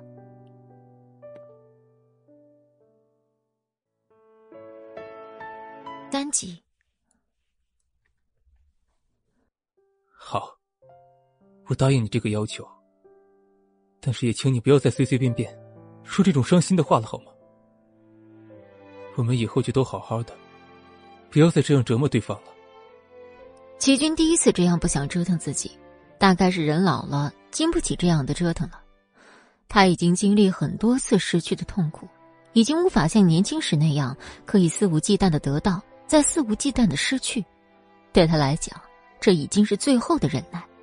如果再经历一次生离死别，可能齐军就真的没有再活下去的希望。一直以来撑着他走到最后的，都是心里的那对爱情的一点期待。虽说宋冉并没满足他，但是薇薇安已经是他对爱情最后的憧憬。在这个世界上，可以依赖的人并不多，但是齐军确实真的很想跟薇薇安走完这一生。看到齐军答应了自己，薇薇安心里很满足。他其实想听到的就是这么一句话：只要齐军照做，他就觉得自己之前所做的一切都是值得的。当然，在今天正好印证。他突然开始相信林雨柔的话了。男人就是不能惯，一惯他就会越来越不珍惜自己。想想自己当初死乞白赖非要跟他在一起时，他不要，反而是现在自己想要跟他分手，他就像条哈巴狗一样在自己身边乞求可怜。薇薇安好像一下子就抓住了齐军的命脉一样，他开始保持自信。在他面前，也终究不再自卑，也更加相信，只要凭尽自己的力量，一定可以扭转这一切。你最好说话算话，一旦做不到，我还是会立刻跟你分手。他很是有概念的说出这种话，魏万安不再害怕失去任何东西了。他现在唯一想做的，就是想让自己经历的痛苦不再重演。那么，为了这一切能顺利进行，他只能跟齐军回国，按着林雨柔的计划来。此时的国内，莫千行跟宋冉依然很和谐的相处着。渐渐的，宋冉已经忘记了齐军的存在，早就已经把莫千行当成印象中的哥哥，每天跟他一起嬉戏玩耍，过着开心的日子。莫千行倒也不着急，只要宋冉能健健康康、开开心心，这么疯着傻着，他也觉得挺好。因为他觉得，现在的宋冉比之前要开心很多，脸上的笑容每天都洋溢着。就连思慕都觉得，莫千行的耐心是天底下最好的，连他都开始着急为宋冉找医生，而莫千行却一直不慌不忙的样子。有一天，他实在按耐不住，拉着全国最权威的精神科医生来到莫千行面前说：“这是我为冉冉物色的医生，你让他给他看看吧。”说不定就治好了。然而宋冉是见不得陌生人的，当他看见穿白大褂医生那一刻，就开始大喊大叫、乱跑起来。莫千行为了安抚宋冉的情绪，直接将医生请回，这也让思慕很生气。你到底还想不想让冉冉回到以前的状态了？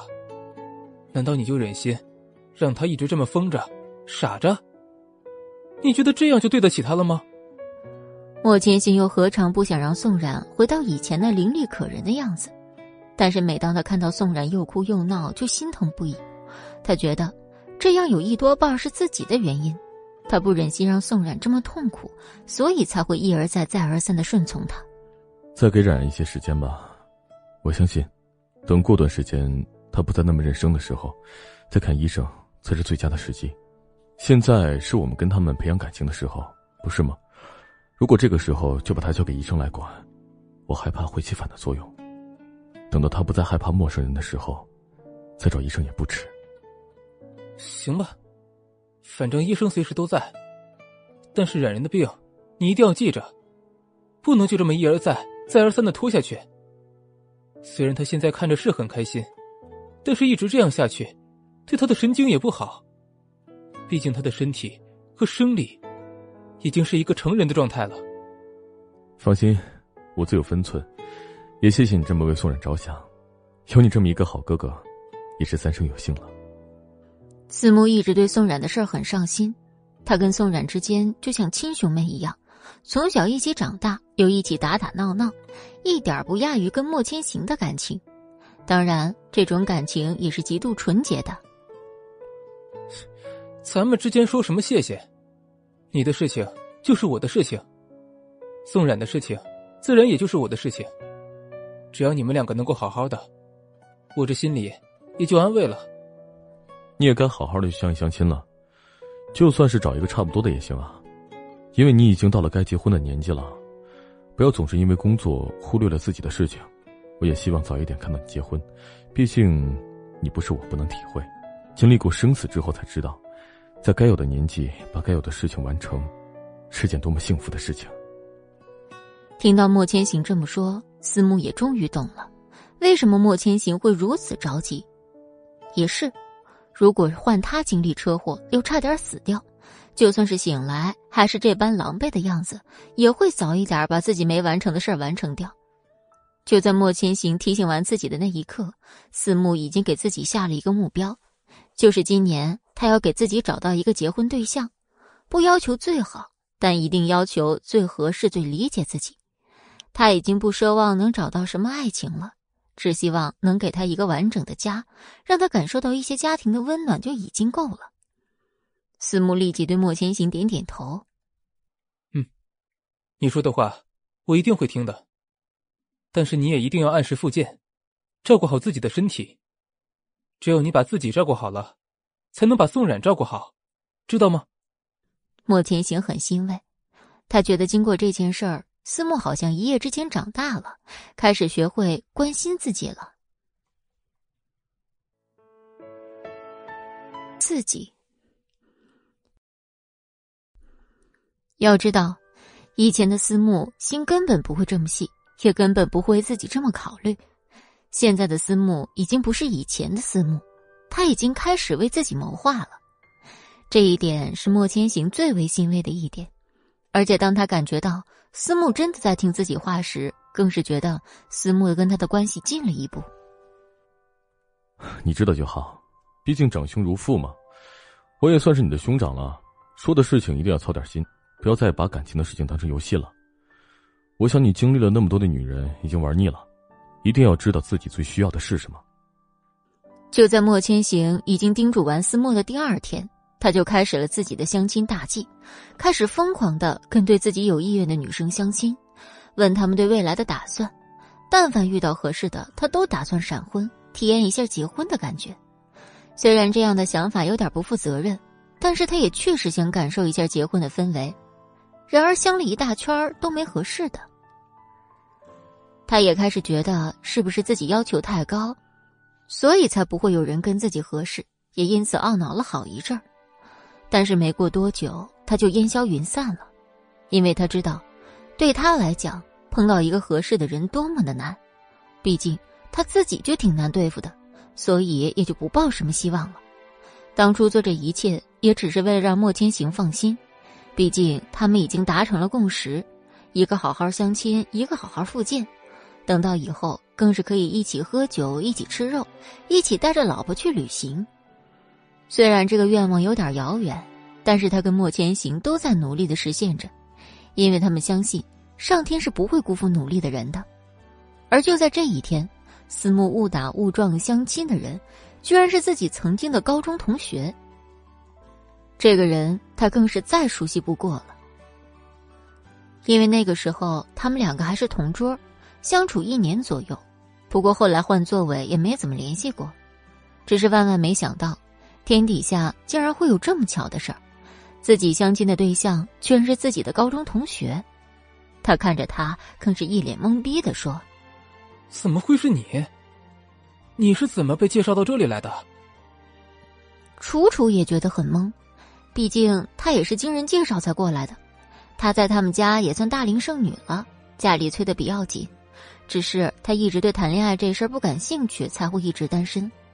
但是她今年也二十六七了，如果再不谈对象的话，也实在说不过去，所以被逼无奈过来相亲。只是没想到，她的第一个相亲对象居然会是自己曾经的同桌加高中同学。看到对方的那一刻起。他们忽然想到了曾经同桌的快乐时光。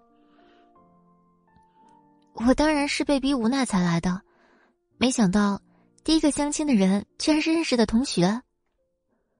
思慕很是惊讶，跟他一样大的人居然才第一次相亲，他很好奇。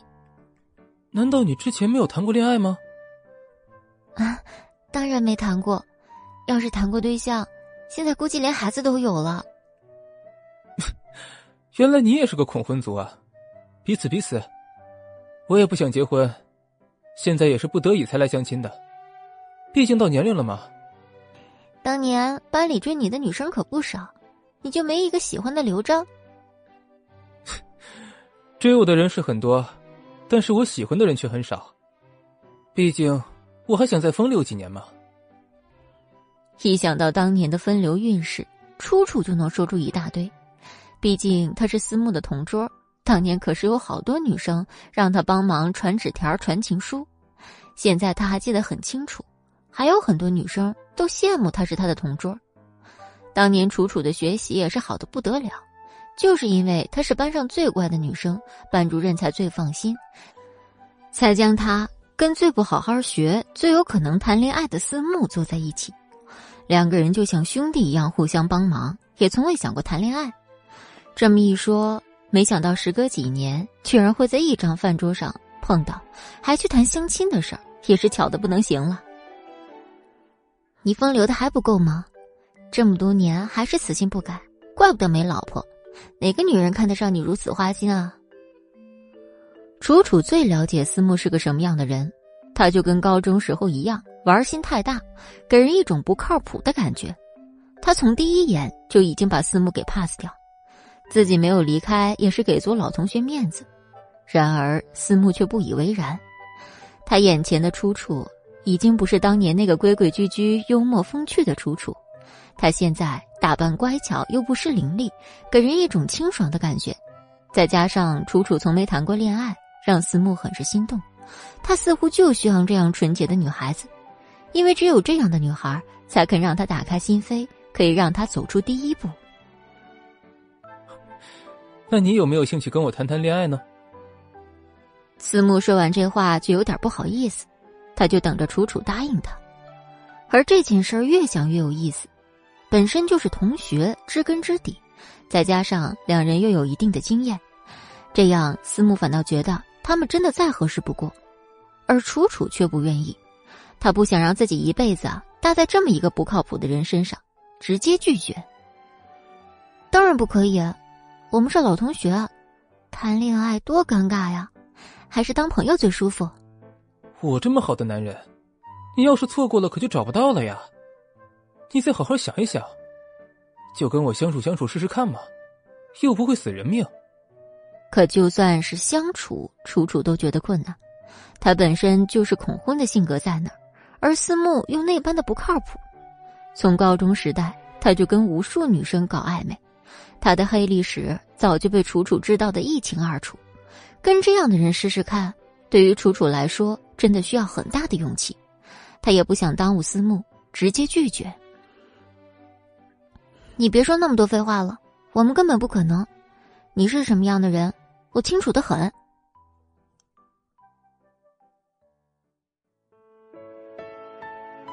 七十五集，楚楚越是拒绝，就越是能激发起思慕对他的好奇心。他越来越想跟这个女孩深入的走下去，只是因为他说的一些字眼让他很感兴趣。他以前遇到的女孩子都恨不得把他身上的财产剥个精光，而今天的楚楚却恨不得早点离开自己。越是这种对自己冷淡的女孩，思慕就越感兴趣。啊，那你倒是说说看，我们为什么不可能呢？一想到这儿，其实对于楚楚来讲。也不知该怎么说，因为其实男人都是吃着碗里看着锅里的，但是因为他太了解男人的本性，所以才不敢谈恋爱。也正是因为如此，他更不敢跟曾经如此熟悉的朋友谈恋爱，因为一旦没在一起，就连朋友都做不成了。其实，没那么多为什么，就是演员而已，看起来并没那么合适，所以干脆就别在一起了。再说。你身边不缺女生，也不差我这么一号女朋友，你何必纠缠着我不放呢？你说的这话可就有点不公平了。虽然说我们两个以前认识，好歹也有点关系，但是都这么多年过去了，你怎么就知道我还跟高中那个时候一样呢？再说了，你看你年纪也老大不小了，再找的话，也找不到像我这么合适又多金的男人了吧？所以对你来讲。我可是最合适的相亲人选，错过了这个村儿，可就没有这个店了。思慕像是推销员一样，把自己推销的天衣无缝。他也就是想借助这一点，让楚楚早点成为自己的女人，因为他很了解楚楚这样女生的心理状态，也很想占为己有。毕竟他不能看着这颗上好的白菜被其他人给拱了。俗话说：“肥水不流外人田。”这么好的女生，他还是第一次遇到。可就算思慕如此精打细算，楚楚还是根本没把他当个事儿。哎呀，你别说了，就算你把自己夸得天花乱坠，你也要知道我们是不可能的。同学就是同学，怎么可能发展成男女朋友关系啊？我还有事，我先走了。还有啊，单你买。楚楚毫不客气的把单甩给了思慕，虽然自己一口没吃。但是凭他刚才对自己的无理行为，他就一点单都不想买。齐军知道，楚楚也不是那种喜欢占别人便宜的人，但是就看刚才他对自己的无理行为，楚楚就觉得，这个人不要也罢。然而这也是第一个这么轻而易举就把单甩给自己的女人，思慕觉得真是有趣儿，跟自己遇见的其他女人都不一样，也更加打开了他想追她的信心。说什么也要把楚楚一举拿下，而这件事情也成为了他最近最想成功的事儿。本来无精打采的，却突然间好像有了动力，一切的一切就好像有了希望一样。他突然明白，为什么莫千行会对他说：“如果自己遇到一个合适的人，就不会说出那种不想结婚的话。”而另一边，齐军跟薇薇安也筹备着回国的计划。同时，他们也筹备着婚礼，只是齐军万万没想到，薇薇安会这么着急回国，他都开始怀疑，他都不担心自己去找宋冉吗？还是说，他就是故意想考验自己才这么做的？这几天，他更是跟薇薇安如胶似漆，两人就像新婚夫妻一样，每天黏在一起，不是在讨论结婚，就是在准备回国的行李，丝毫看不出之前有过吵架的痕迹。而薇薇安更像之前一样，对齐军照顾有加，事事俱细。这也是齐军最喜欢薇薇安的地方，他的细心特别像自己，他也很希望自己的另一半也跟自己一样的有耐心。很快就到了他们回国的日子，齐军再一次问薇薇安：“真的要回国吗？”然而薇薇安却信誓旦旦的说：“肯定要回国呀，你的家人跟你的父亲都在国内。”我们结婚当然要回国结，不然结给谁看？但其实对于齐军来说，他的父亲是个可有可无的人物，他也并不希望自己的婚礼上能够出现这个人。但是他知道，薇薇安跟祁连松的关系很好，两家又是世交，如果不请齐军的话，面子上也说不过去。为了让薇薇安的婚礼体面一点，他也必须要牺牲掉自己的面子。只是这回国的途中十分奔波，他们连行李都装了好几个箱子，更别说是其他东西。回到国内以后，更是寻了很多亲戚，毕竟薇薇安很多年没回国了，什么七大姑八大姨的都要去见一见齐军，也是累得不行。但是为了薇薇安，他也一一去见了。头一次觉得原来结婚可以这么累，但薇薇安却乐在其中，他已经享受到了结婚的快乐。当看到齐军跟自己一起努力的去拜访一些亲戚时，他更是觉得齐军真的很用心，在跟自己在一起之前所受的那些苦，也突然觉得十分值得。每到晚上的时候，他都迫不及待的想要跟齐军来一个吻，感谢他这几天的奔波。一想到他们马上就要结婚，薇薇安差点忘了自己回国的正事儿，他好像已经不在乎宋冉的存在，因为此时的他。已经尝到了幸福的滋味，但就在他初尝甜蜜时，林雨柔的一个电话让他不得不将事情放回正轨。他告诉自己，自己必须马上行动，挑起莫千行和齐军之间的矛盾，好借助齐军的手除掉莫千行。只有这样，他们两个之间才永远不会联系；只有这样，薇薇安才能跟齐军永远幸福的在一起。只是不知道为什么。这几天一直处于甜蜜状态的薇薇安，突然间不想这么做了。可是自己跟齐军这么要好，也多亏了林雨柔给的施的计谋。如果不实施的话，实属不仗义。所以无论如何，薇薇安都必须按照林雨柔的想法来，这也是他必须履行的义务。不管怎样的结果，他都必须接受。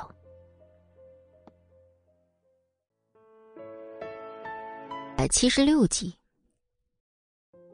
可是，每当想到这件事儿，薇薇安的心里就像是一团乱麻一样，一直在纠结着到底该怎么办。每当这个时候，他都恨不得给自己一巴掌。当初为什么要答应呢？但是现在自己又必须为此付出代价，他也开始苦恼如何挑拨齐军跟莫千行之间的关系。毕竟他们现在不在一个城市，难道他要必须逼着他回到 A 城吗？想来想去，薇薇安都觉得实在是难上加难，他必须要好好想一想，才能继续实施这件事儿。无论对谁来说，都是一件难以取舍的事儿。而他的神情很快就会被齐军发现，因为相处时间很久，就连薇薇安下一秒会做什么，齐军都能猜到。看到他眉头紧锁，齐军又开始不安。你在想什么呢？哦，我在想应该穿什么颜色的婚纱，你说粉色好不好？看到齐军在问自己，薇薇安很是巧妙的躲避过。他知道现在还不能让齐军发现自己的异常。所以必须要用这种方式来避开他的怀疑。薇薇安如此淡定的神情，直接就把齐军骗过了。你想穿什么样的婚纱就穿什么样的呗，反正你身材也好，皮肤也白，什么颜色都能衬得起来。好像自从上次的事开始，齐军的嘴巴就变得特别甜，就连薇薇安都觉得他跟以前变得不一样了，说话就像抹了蜜一样。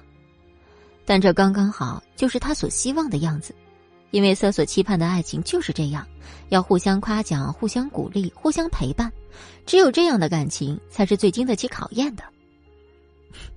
没想到你现在说话越来越有长进了，好吧，奖励你一个拥抱。看着两人越发甜蜜，齐金也越来越珍惜与薇薇安在一起的时间，虽然回国了。但他也发现，自己并没有迫切的想要找回宋冉。也许真的跟祁连松说的一样，只要自己肯打开心扉，肯放对方一条路，也许生活就会变得不一样。他发现了，别人幸福其实也是让自己幸福，生活也是自己的，不能在一棵树上吊死。然而，薇薇安满脑子都是在想着如何激起齐军跟莫千行的矛盾，这简直是太难了。他也更是想方设法的想将齐军引到宋冉的那个城市，但是却怎么也开不了口。思来想去，还需要去请林雨柔帮忙。于是他找了一个特殊时间，是齐军要去医院做检查的日子。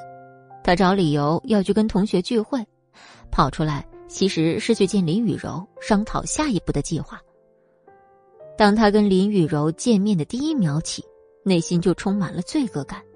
因为他打心眼里不想把计划进行下去，齐军已经答应跟自己结婚，除不除掉宋冉对他来说意义不大，但这对林雨柔来说却是最致命的一步。他深知，如果不这样的话，自己跟莫千行将毫无可能。幸好的是，林雨柔手里有薇薇安跟自己的谈话记录，一旦薇薇安食言，他就会将这份记录传给齐军。那么他们两个人也就不会在一起了。所以他也断定，薇薇安不会这么出尔反尔。看到薇薇安的第一眼，林雨柔就已经感受到她的甜蜜幸福。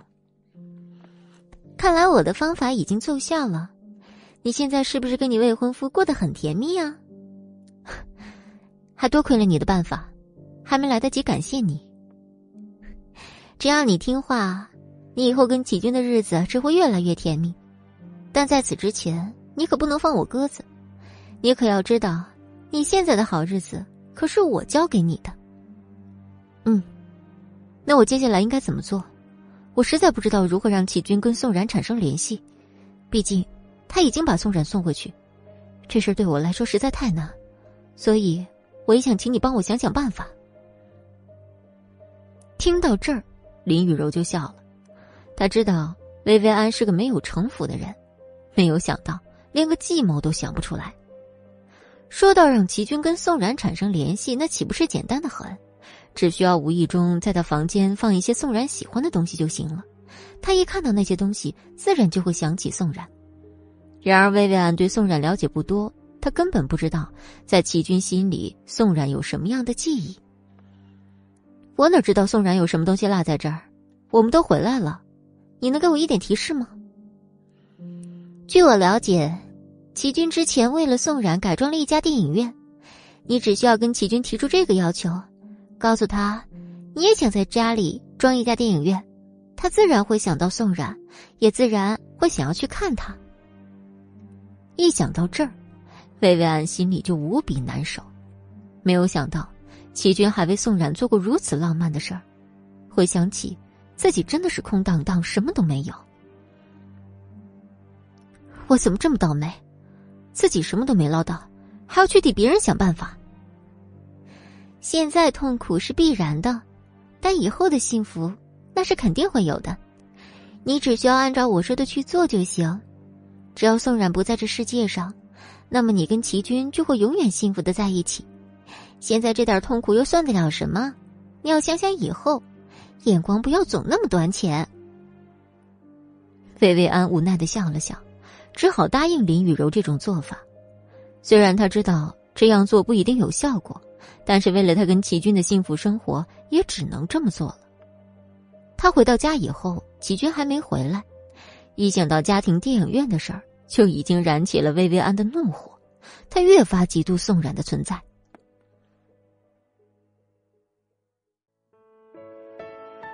七十七集，一想到自己都没有过这种待遇，薇薇安觉得自己怎么能跟宋冉差这么多？明明自己对齐军的关心更多，可是他却对他毫不感兴趣的宋冉付出了这么多的心血。可自己却什么都没得到，这好像是他从未有过的待遇，也是宋冉轻而易举能得到的待遇。事实上，他也知道自己在齐军眼里并没那么重要，所以就连电影院都是奢侈的。但薇薇安也决定要好好试一试齐军，因为只有这样，他才能真正的试探出齐军是否真的想要跟自己结婚，还是只是一时寂寞拿自己当发泄工具罢了。一想到这儿，薇薇安心里就像上刀山下火海一样煎熬。他强迫今天必须问个所以然来，所以一直在等齐军。回来的路上，他在想自己应该怎么张这个口，因为对于他来说，开口去要他建一个电影院实在是太难了。因为一开始齐军就知道自己并不怎么看电影，平时的兴趣也就是看看书、养养花罢了，自己也很少看视频。突然间有了这么个兴趣，确实有点让人觉得不太正常。但是为了试探出齐军的真心，他也必须要这么问。就这样，他才能真正的了解齐军，他内心的想法到底是什么。为了让这个开场更加直白一点，他还专门为齐军做了一顿饭，这是他住进齐家以来为齐军做的第一顿饭。只是齐军不知今天怎么了，平时八点就能到家。今天硬生生等到了九点，无奈之下，薇薇安只好不停打电话催他，但电话却迟迟没有回应。他又开始担心齐军会出去喝酒，上次喝酒的事过了这么久，他的心里会不会有阴影？毕竟上次齐军说的话可让他伤心了好一阵子。如果这一次他又偷摸去喝酒，就在薇薇安心里嘀咕时，他们的房门突然响起。他一听到脚步声，就知道是齐军回来了。还好是虚惊一场，如果真去喝酒，那薇薇安真是无言以对。只见进门的齐军一脸温柔的冲他笑着，手里还提着不知什么东西，看包装倒是挺精美的。你去哪儿了？打电话也不接，这么晚了也不回来。我去给你买国内的特色小吃去了。你看，北京烤鸭。臭豆腐，还有鸭脖，这些都是在国外吃不到的。你难得回来一次，我得给你买全了才行。看到这些小吃，薇薇安很是想念。以前只有出国时跟着同学吃了那么几次，没想到季军会如此细心，提前给自己买这么多小吃。这时的薇薇安突然开始不生气了，但是也开始怀疑他为什么一直不接电话，因为他知道。齐军一般都是让司机开车，自己很少开车。那这么一说，肯定是有时间去看手机的。你为什么一直不接我的电话呀？你自己看，他现在关机了，我充电也充不进去，可能是坏了。明天还得再买一个。听到这儿，齐军很冤枉，他只好把手机拿出来给薇薇安看。看到齐军的手机，薇薇安才发现，这个人真的太念旧了。这手机看起来还是三年前的型号，没想到齐军竟然用了这么久，也怪不得他会突然失联。家里缺个买手机的钱吗？他都破成这样了，你怎么还不换呢？我只是懒得换而已，毕竟这个手机跟了我这么多年，好多信息跟资料都在里面，如果换的话会很麻烦，所以干脆就不换了。明天我跟你一起去买，必须给换了，要不然再让我联系不到你，你就别想回家了。看薇薇安如此在意自己，齐军心里就像吃了蜜糖一样甜，他立马把薇薇安抱在怀里。肯定不会了，明天就去买。倒是你，以后不要老是发这么大的脾气，对身体不好。听完齐军这贴心的询问，薇薇安心里也好受了许多。她终于不再怀疑，但是又开始忐忑。如果就这么勾起他与宋冉的回忆，他会不会真的就抛下自己去找宋冉了？薇薇安越想越不自信。可每当他这样时，却会觉得自己没对得起林雨柔的承诺。明明自己回来这趟就是要跟齐军提宋冉，而自己却又陷入他的温柔乡不可自拔。一时之间，薇薇安陷入两难的抉择，他到底要不要跟齐军提这件事儿，成了他眼下最难的决定。明明很难才起来的关系，他真的很怕因为一件小事儿又会成以前僵持的样子。一想到这儿，薇薇安心里就隐隐作痛，但是。他还是不能忘记与林雨柔的承诺，毕竟他也知道，如果宋冉还在世界上，那么他跟齐军永远不会有好日子过。虽然说现在齐军表现出来一副很爱自己的样子，但是谁能保证以后会怎么样？薇薇安已经对自己失去了信心，也对齐军失去了信心。这些自卑感不是一天形成的，而是日积月累产生的后果。这些话其实就在嘴边。他一直都在酝酿情绪，就像等着齐军给他一个引子。薇薇安开口，不然他一时之间也找不到什么好理由。然而，他却找了老半天都没找到，该如何提起建家庭影院这件事儿？薇薇安真的不擅长说谎，每说一次谎，她都像是蜕了层皮一样。就在这时，齐军突然说：“明天你打算干什么？我可以陪你一起。”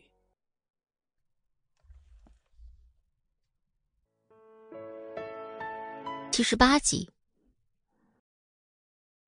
要说有什么安排，其实薇薇安还有好多婚礼的东西没有准备，但是她现在已经没有心思去准备婚礼了。毕竟，薇薇安的终极目标不仅仅是跟齐军结婚，而是彻底除掉宋冉。就在这时，薇薇安也突然鼓起勇气对齐军说：“我想跟你一起看电影，但我想在家里看，懒得出去。”这几天太累了，我想歇歇。一说起看电影这个事儿，齐军的脸色立马就变了，因为他清楚的知道，薇薇安从来不是一个喜欢看电影的人，这跟他认识的薇薇安有点不太一样。他内心奇怪的问：“你怎么突然想要在家看电影呢？出去看不是更方便一点吗？”此时的薇薇安不知该怎么说自己的心情，而且也觉得自己说的有点突兀。但是为了他能够更好的跟林雨柔完成计划，他也只好再用另外一个谎去圆这个谎。那不是突然回国了，想看一下国际电影吗？这是在国外看不到的，而且我想看的是老电影，所以觉得在家看更方便一点。你能不能给我想想办法，在家里安个投影仪什么的，我们好以后每个星期在家看一部，你说怎么样？齐军万万没想到。有一天，薇薇安会提出跟宋冉一样的要求。当初他也是为了给宋冉解闷儿，在家里装了一间顶级电影院。虽然那个家不在这座城市，但齐军还是交代人去打理。他总不能把薇薇安带回原来那个家，那样的话，齐军更把持不住了，自己会想要去找宋冉。嗯，你要是真的想看，我可以给你弄一个，但是。我们还是弄在西雅图吧。咱们毕竟结完婚就回去了，给这里装的话，有点太浪费了，不是吗？其实齐军不是心疼钱，而是想把这件事搁置，因为他不想同一件事为两个女人都做，这样不是他的风格。看到如此犹豫不决的齐军，魏月安终于知道为什么这件事儿能勾起齐军的死穴。他还是想看看自己在齐军心里究竟是什么位置。为什么非要在西雅图见？我又不缺那点钱，给国内建一个，国外也建一个。这样，无论我们什么时候想回来都能看。再说了，我们还要在国内待两三个月呢。你给我建到国外，我上哪儿看去啊？面对薇薇安的要求，齐军没有办法拒绝。他知道，现在的薇薇安是敏感时期，也能看得出薇薇安字里行间都在检验自己的行动力。他也不敢拒绝，只好硬着头皮道：“嗯，行吧，那我明天就找人给你弄一个。”但是你可别给你建完了，一个星期都不去一次，那可真是太浪费钱了。那肯定不会，只要你给我建了，我肯定每天都让自己看一部电影，说到做到，而且还时不时拉着你一起看。我们还可以把那个电影院装一个酒吧，摆一些自己喜欢的酒跟饮料，这样就可以边喝酒边看电影，岂不是美滋滋的？说到这儿，齐军的心已经飘到了宋冉那儿。他以前为了让宋冉开心，更是在电影院的屋子里摆满了他喜欢吃的零食。他喜欢宋冉，跟薇薇安这俩人是截然不同的。宋冉不喜欢喝酒，可以说是滴酒不沾，饮料也不怎么喝，就喜欢吃零食。然而薇薇安是一个无酒不欢的人，她的生命里可以没有吃的，但绝不能没有喝的。一想到这儿，齐军的心开始隐隐作痛。明明自己离宋冉这么近，可是却还是感觉像在国外一样遥远。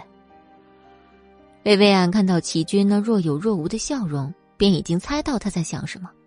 但是谁让那是自己非要让人家想出来的事儿呢？也只能心甘情愿的忍受着。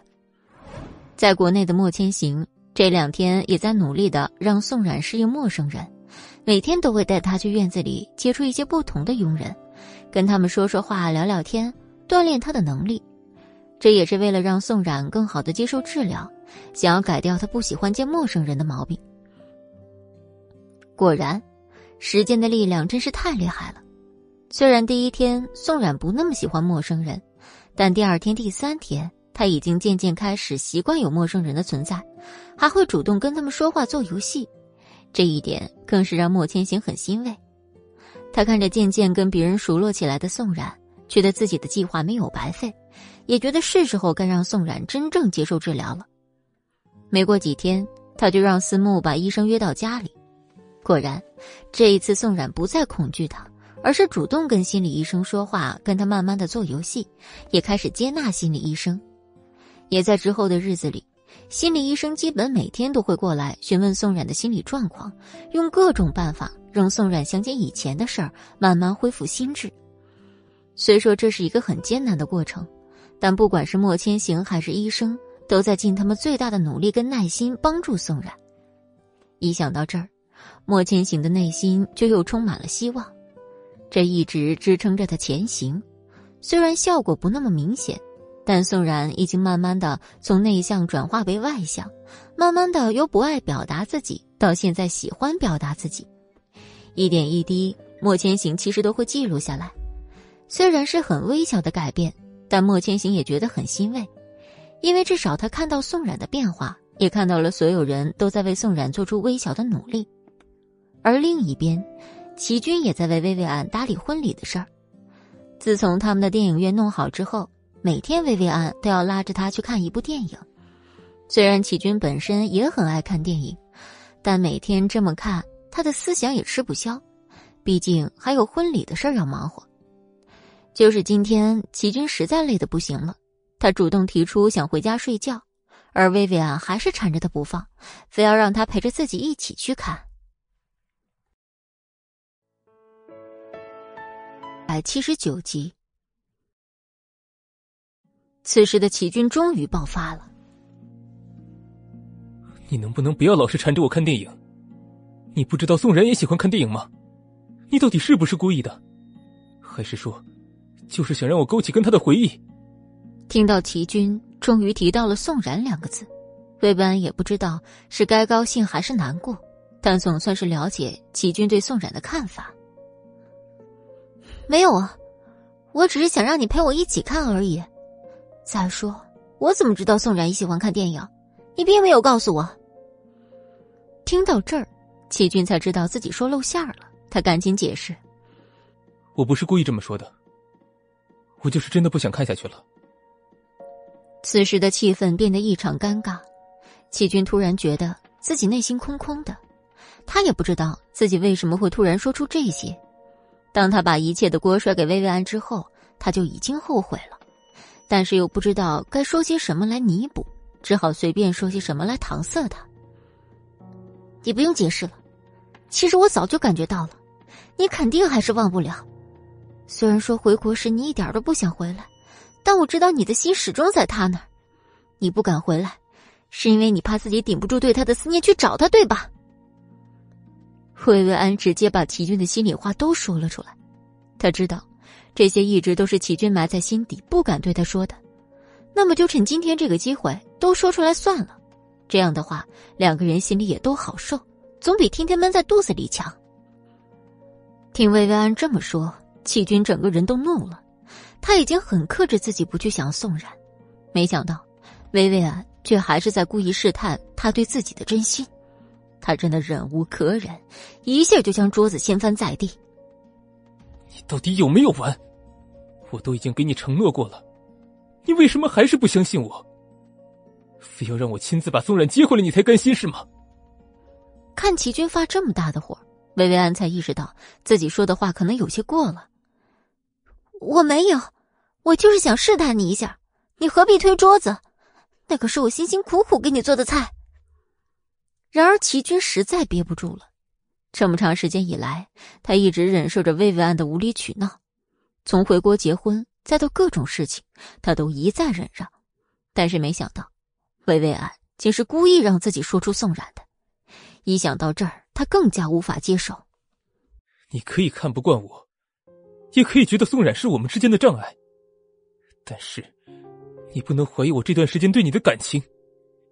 你要知道，我能对你今天这样，那可是鼓起了很大的勇气的。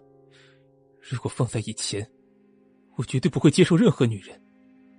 但是我为了你，我让我爸把宋冉送回了国，又为了你，专门的回国来办婚礼。结果你呢，一个劲儿的逼我提起宋冉。说到这时，薇薇安整个人都变得紧张。她没有想到，自己从主动变成被动，明明是自己想数落齐军一番，现在倒成了齐军数落自己。一时之间，本末倒置的关系让她失去理智，不知该说什么好。而齐军更是连话都没说，拍完桌子走人，只留给薇薇安一个空荡荡的房间。然而，他除了坐在地上哭，别无他法，因为这一切。都是在他计划范围之内的，他就是想让齐军勾起对宋冉的回忆，再挑起他跟莫千行之间的矛盾，只有这样，薇薇安才能顺理成章的让宋冉消失在这世界上。只是没想到，这过程竟如此痛苦。而齐军走后，在空旷的大街上，没有任何归属感，这城市对他来说已经够陌生了。然而没想到，每天陪在自己身边的女人也居然如此陌生。成天嘴里说出来一些自己并不想听的话。仔细想来，他最平静的日子，也就是在西雅图陪宋冉静养的那几天吧。虽然他也很期盼宋冉能早日醒来，但看着宋冉脸上的笑容，他就感觉被治愈了一样。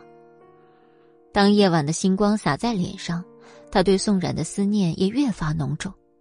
每一天每一秒，他都在想念着这个女人，从未停止过。但是他也知道，这是他们最好的归宿。他此时已将宋冉还给莫千行，他无法再干涉他们的生活，只能摇住他们。他的心好像再也动荡不起来。就这时，他前面出现了一辆车，车上走下一个穿着亮片黑色短裙的女人。虽然是黑夜，但齐军很清楚这女人是谁。他走下时。他恨不得将自己的拳头立马挥在那女人身上，因为那不是别人，而是当年自己跟母亲捉奸在床的女人。虽说已过去十几年，但她的相貌基本上没有怎么变化，反而穿得更加火爆。齐军万万没想到，一个快五十的女人打扮的就跟二十岁一样，一点年龄差都没有。然而他更不知，这女人深更半夜找自己究竟什么意图。哟，还真是你啊！那天看报纸，我还惊讶，祁连松的儿子长这么大了，没想到居然能在这种地方碰上你，真是三生有幸。齐军对这个女人的印象仅仅停留在平时的聚餐，最深刻的也就是自己跟母亲发现她躺在自己亲生父亲床上的时候。虽说事后祁连松再也没跟这女人联系过。但因为家庭关系，他还是会时不时的出现在酒会上，而祁连松也并没避嫌，这一点也让祁军十分讨厌。这也是为什么他一直都没办法原谅父亲，因为就算这个女人害得他母亲当场跳楼，但是他的父亲也因为合作关系，并没有跟这个女人闹掰，反而一直都是朋友。看着那张阴气很重的脸，齐军就觉得十分恶心。十几，齐军开始不耐烦的跟眼前的女人说：“请问这位阿姨，不认识你吗？你又为何要出现在我的面前？我不记得我曾几何时见过你啊。”齐军就是故意要装作不认识他的样子，因为他根本一点废话都不想跟这女人讲。就算他一个劲儿的勾起来自己跟他的回忆，但是他也觉得，但凡跟他沾上半点关系，就会觉得自己身上藏满污点。哟，可这么多年你就把我忘了？看来这件事对你并不算什么。唐婉晴故意挑拨齐俊的回忆，就是想故意给他恶心吃。毕竟那件事过后，并没有达到他想达到的目的，反而祁连松一直跟他很客气。本来这两人还是很暧昧的，只是碍于祁连松还有妻子，他们一直都没捅破那层窗户纸。只是在那件事情之后，祁连松再也没有跟他暧昧过。这一点。让唐婉清觉得十分可惜。虽然他这么多年也找了很多男人，但没有一个男人能比得上祁连松优秀。我怎么可能会记得你是谁呢？再说了，你又算得上是哪根葱？我早就把你忘到九霄云外去了。看来你跟你的母亲真是一模一样，做事说话没分寸。怪不得当年祁连松厌烦了，他跟我一起眉来眼去。一听唐婉清诋毁自己的母亲，齐军就恨不得巴掌扇在他脸上，但碍于他是长辈，终究下不去手。不许你这么说我的母亲，她再怎么样，比你高贵，比你干净。哼，现在哪个男人喜欢高贵干净的女人啊？都喜欢有趣儿的，会玩的，像我这样的，而不是整天在家里只知道带孩子做家务，一点不知道给男人乐趣。这也是为什么你爸妈关系不好。你仔细想想，你小时候，你爸爸有真正的好好跟你聊过天吗？并没有，他们并没那么恩爱。要不然，祁连松怎么会整天泡在公司不回家呢？被勾起回忆的齐军确实想象到了童年的画面。那个时候，每天陪他的人只有妈妈，他很少能够看到爸爸在家的身影。每当他想要爸爸陪伴时，爸爸却总是以工作忙为由，抛下他和妈妈两个人在家。那时，齐娟老是问妈妈：“为什么爸爸老是不回家？”妈妈就会告诉他：“因为爸爸太忙了，要给他挣钱，所以才不回家。”但其实，齐军也能隐约的感觉到，爸爸妈妈关系并不好，他们也一直都是那种演戏的恩爱夫妻，私底下两人除了他的事情以外，基本没有交流。这也是为什么齐军的性格很孤僻的原因，就是因为小时候父母没有给他足够的安全感，所以他才这么长时间以来，也就对宋冉动过心，对其他女人也就是玩玩而已，因为在他心里就觉得婚姻是个可有可无的东西。我们家的事情，不用你来说。还有，闭上你的乌鸦嘴！如果再让我碰到你，我绝对不会放过你。齐军继续恐吓唐婉清，他回头便走了。只是他万万没想到，唐婉清直接开车追上自己。你这脾气跟你爸爸真是一模一样，但是我也想提醒你一句，你父亲最近身体很不好，别管我是怎么知道的，但我也要提醒提醒你这个儿子。虽然你父亲做了对不起你妈妈的事儿，但他毕竟是你父亲，而我呢，也算是你爸爸年轻时的情人。奉劝你一句，珍惜眼前人，别到最后想照顾都照顾不了。听唐婉清说这些，齐军更是琢磨不透这女人的心思。明明他们两个早就没关系，他却在这儿充当一个不知什么身份的人数落自己，简直就是多此一举。但这女人无意中的一句话，让齐军觉得，自己也确实应该回去看看祁连松，毕竟他是自己的父亲，就算做了十恶不赦的事儿。终究给他收尸的人还是自己。可他没想到，祁连松的病居然这么严重。自己之前一直不当回事儿，觉得都是老人家应该会得的病，但是没想到，最终没有逃过自己的父亲。他立马打车连夜赶到祁连松家里，只是他忽略了一点：这时祁连松早就睡了，而他又不好意思敲门，就在自家门口蹲了一晚上，直到早上佣人开门才发现。门口坐了一个人，而这人不是别人，正是齐家的大少爷。他立马慌张喊道：“少爷，你怎么回来了？怎么不叫我们给你开门呢？这大晚上的，在这里坐着多冷呀！”祁连松这时也从屋里出来，看到齐军狼狈的样子，心疼道：“你这臭小子回来也怎么也不告诉我一声啊？就这么傻傻的在外边坐了一晚上吗？”当齐军看到相安无事的祁连松站在自己面前时，很是欣慰。我还年轻，没什么，就是不想打扰你们休息。听到齐军这么温柔的跟自己说话，祁连松都以为自己出现了幻觉。这还是我那个趾高气扬的儿子吗？怎么今天说话突然这么温柔啊？你是受什么刺激了吗？然而齐军并没有多说。只是拉着祁连松的胳膊说要去做全身检查，祁连松早就检查过，根本不想再跑这一趟。什么检查我都做过了，我自己的身体我自己清楚，不用花那个冤枉钱了。然而就在这时，齐军说：“你自己清楚，可我不清楚，所以要带他去检查。”齐军的坚定让祁连松觉得，自己儿子忽然一下子变得强大了起来。再也不是之前那个要自己保护的齐军了。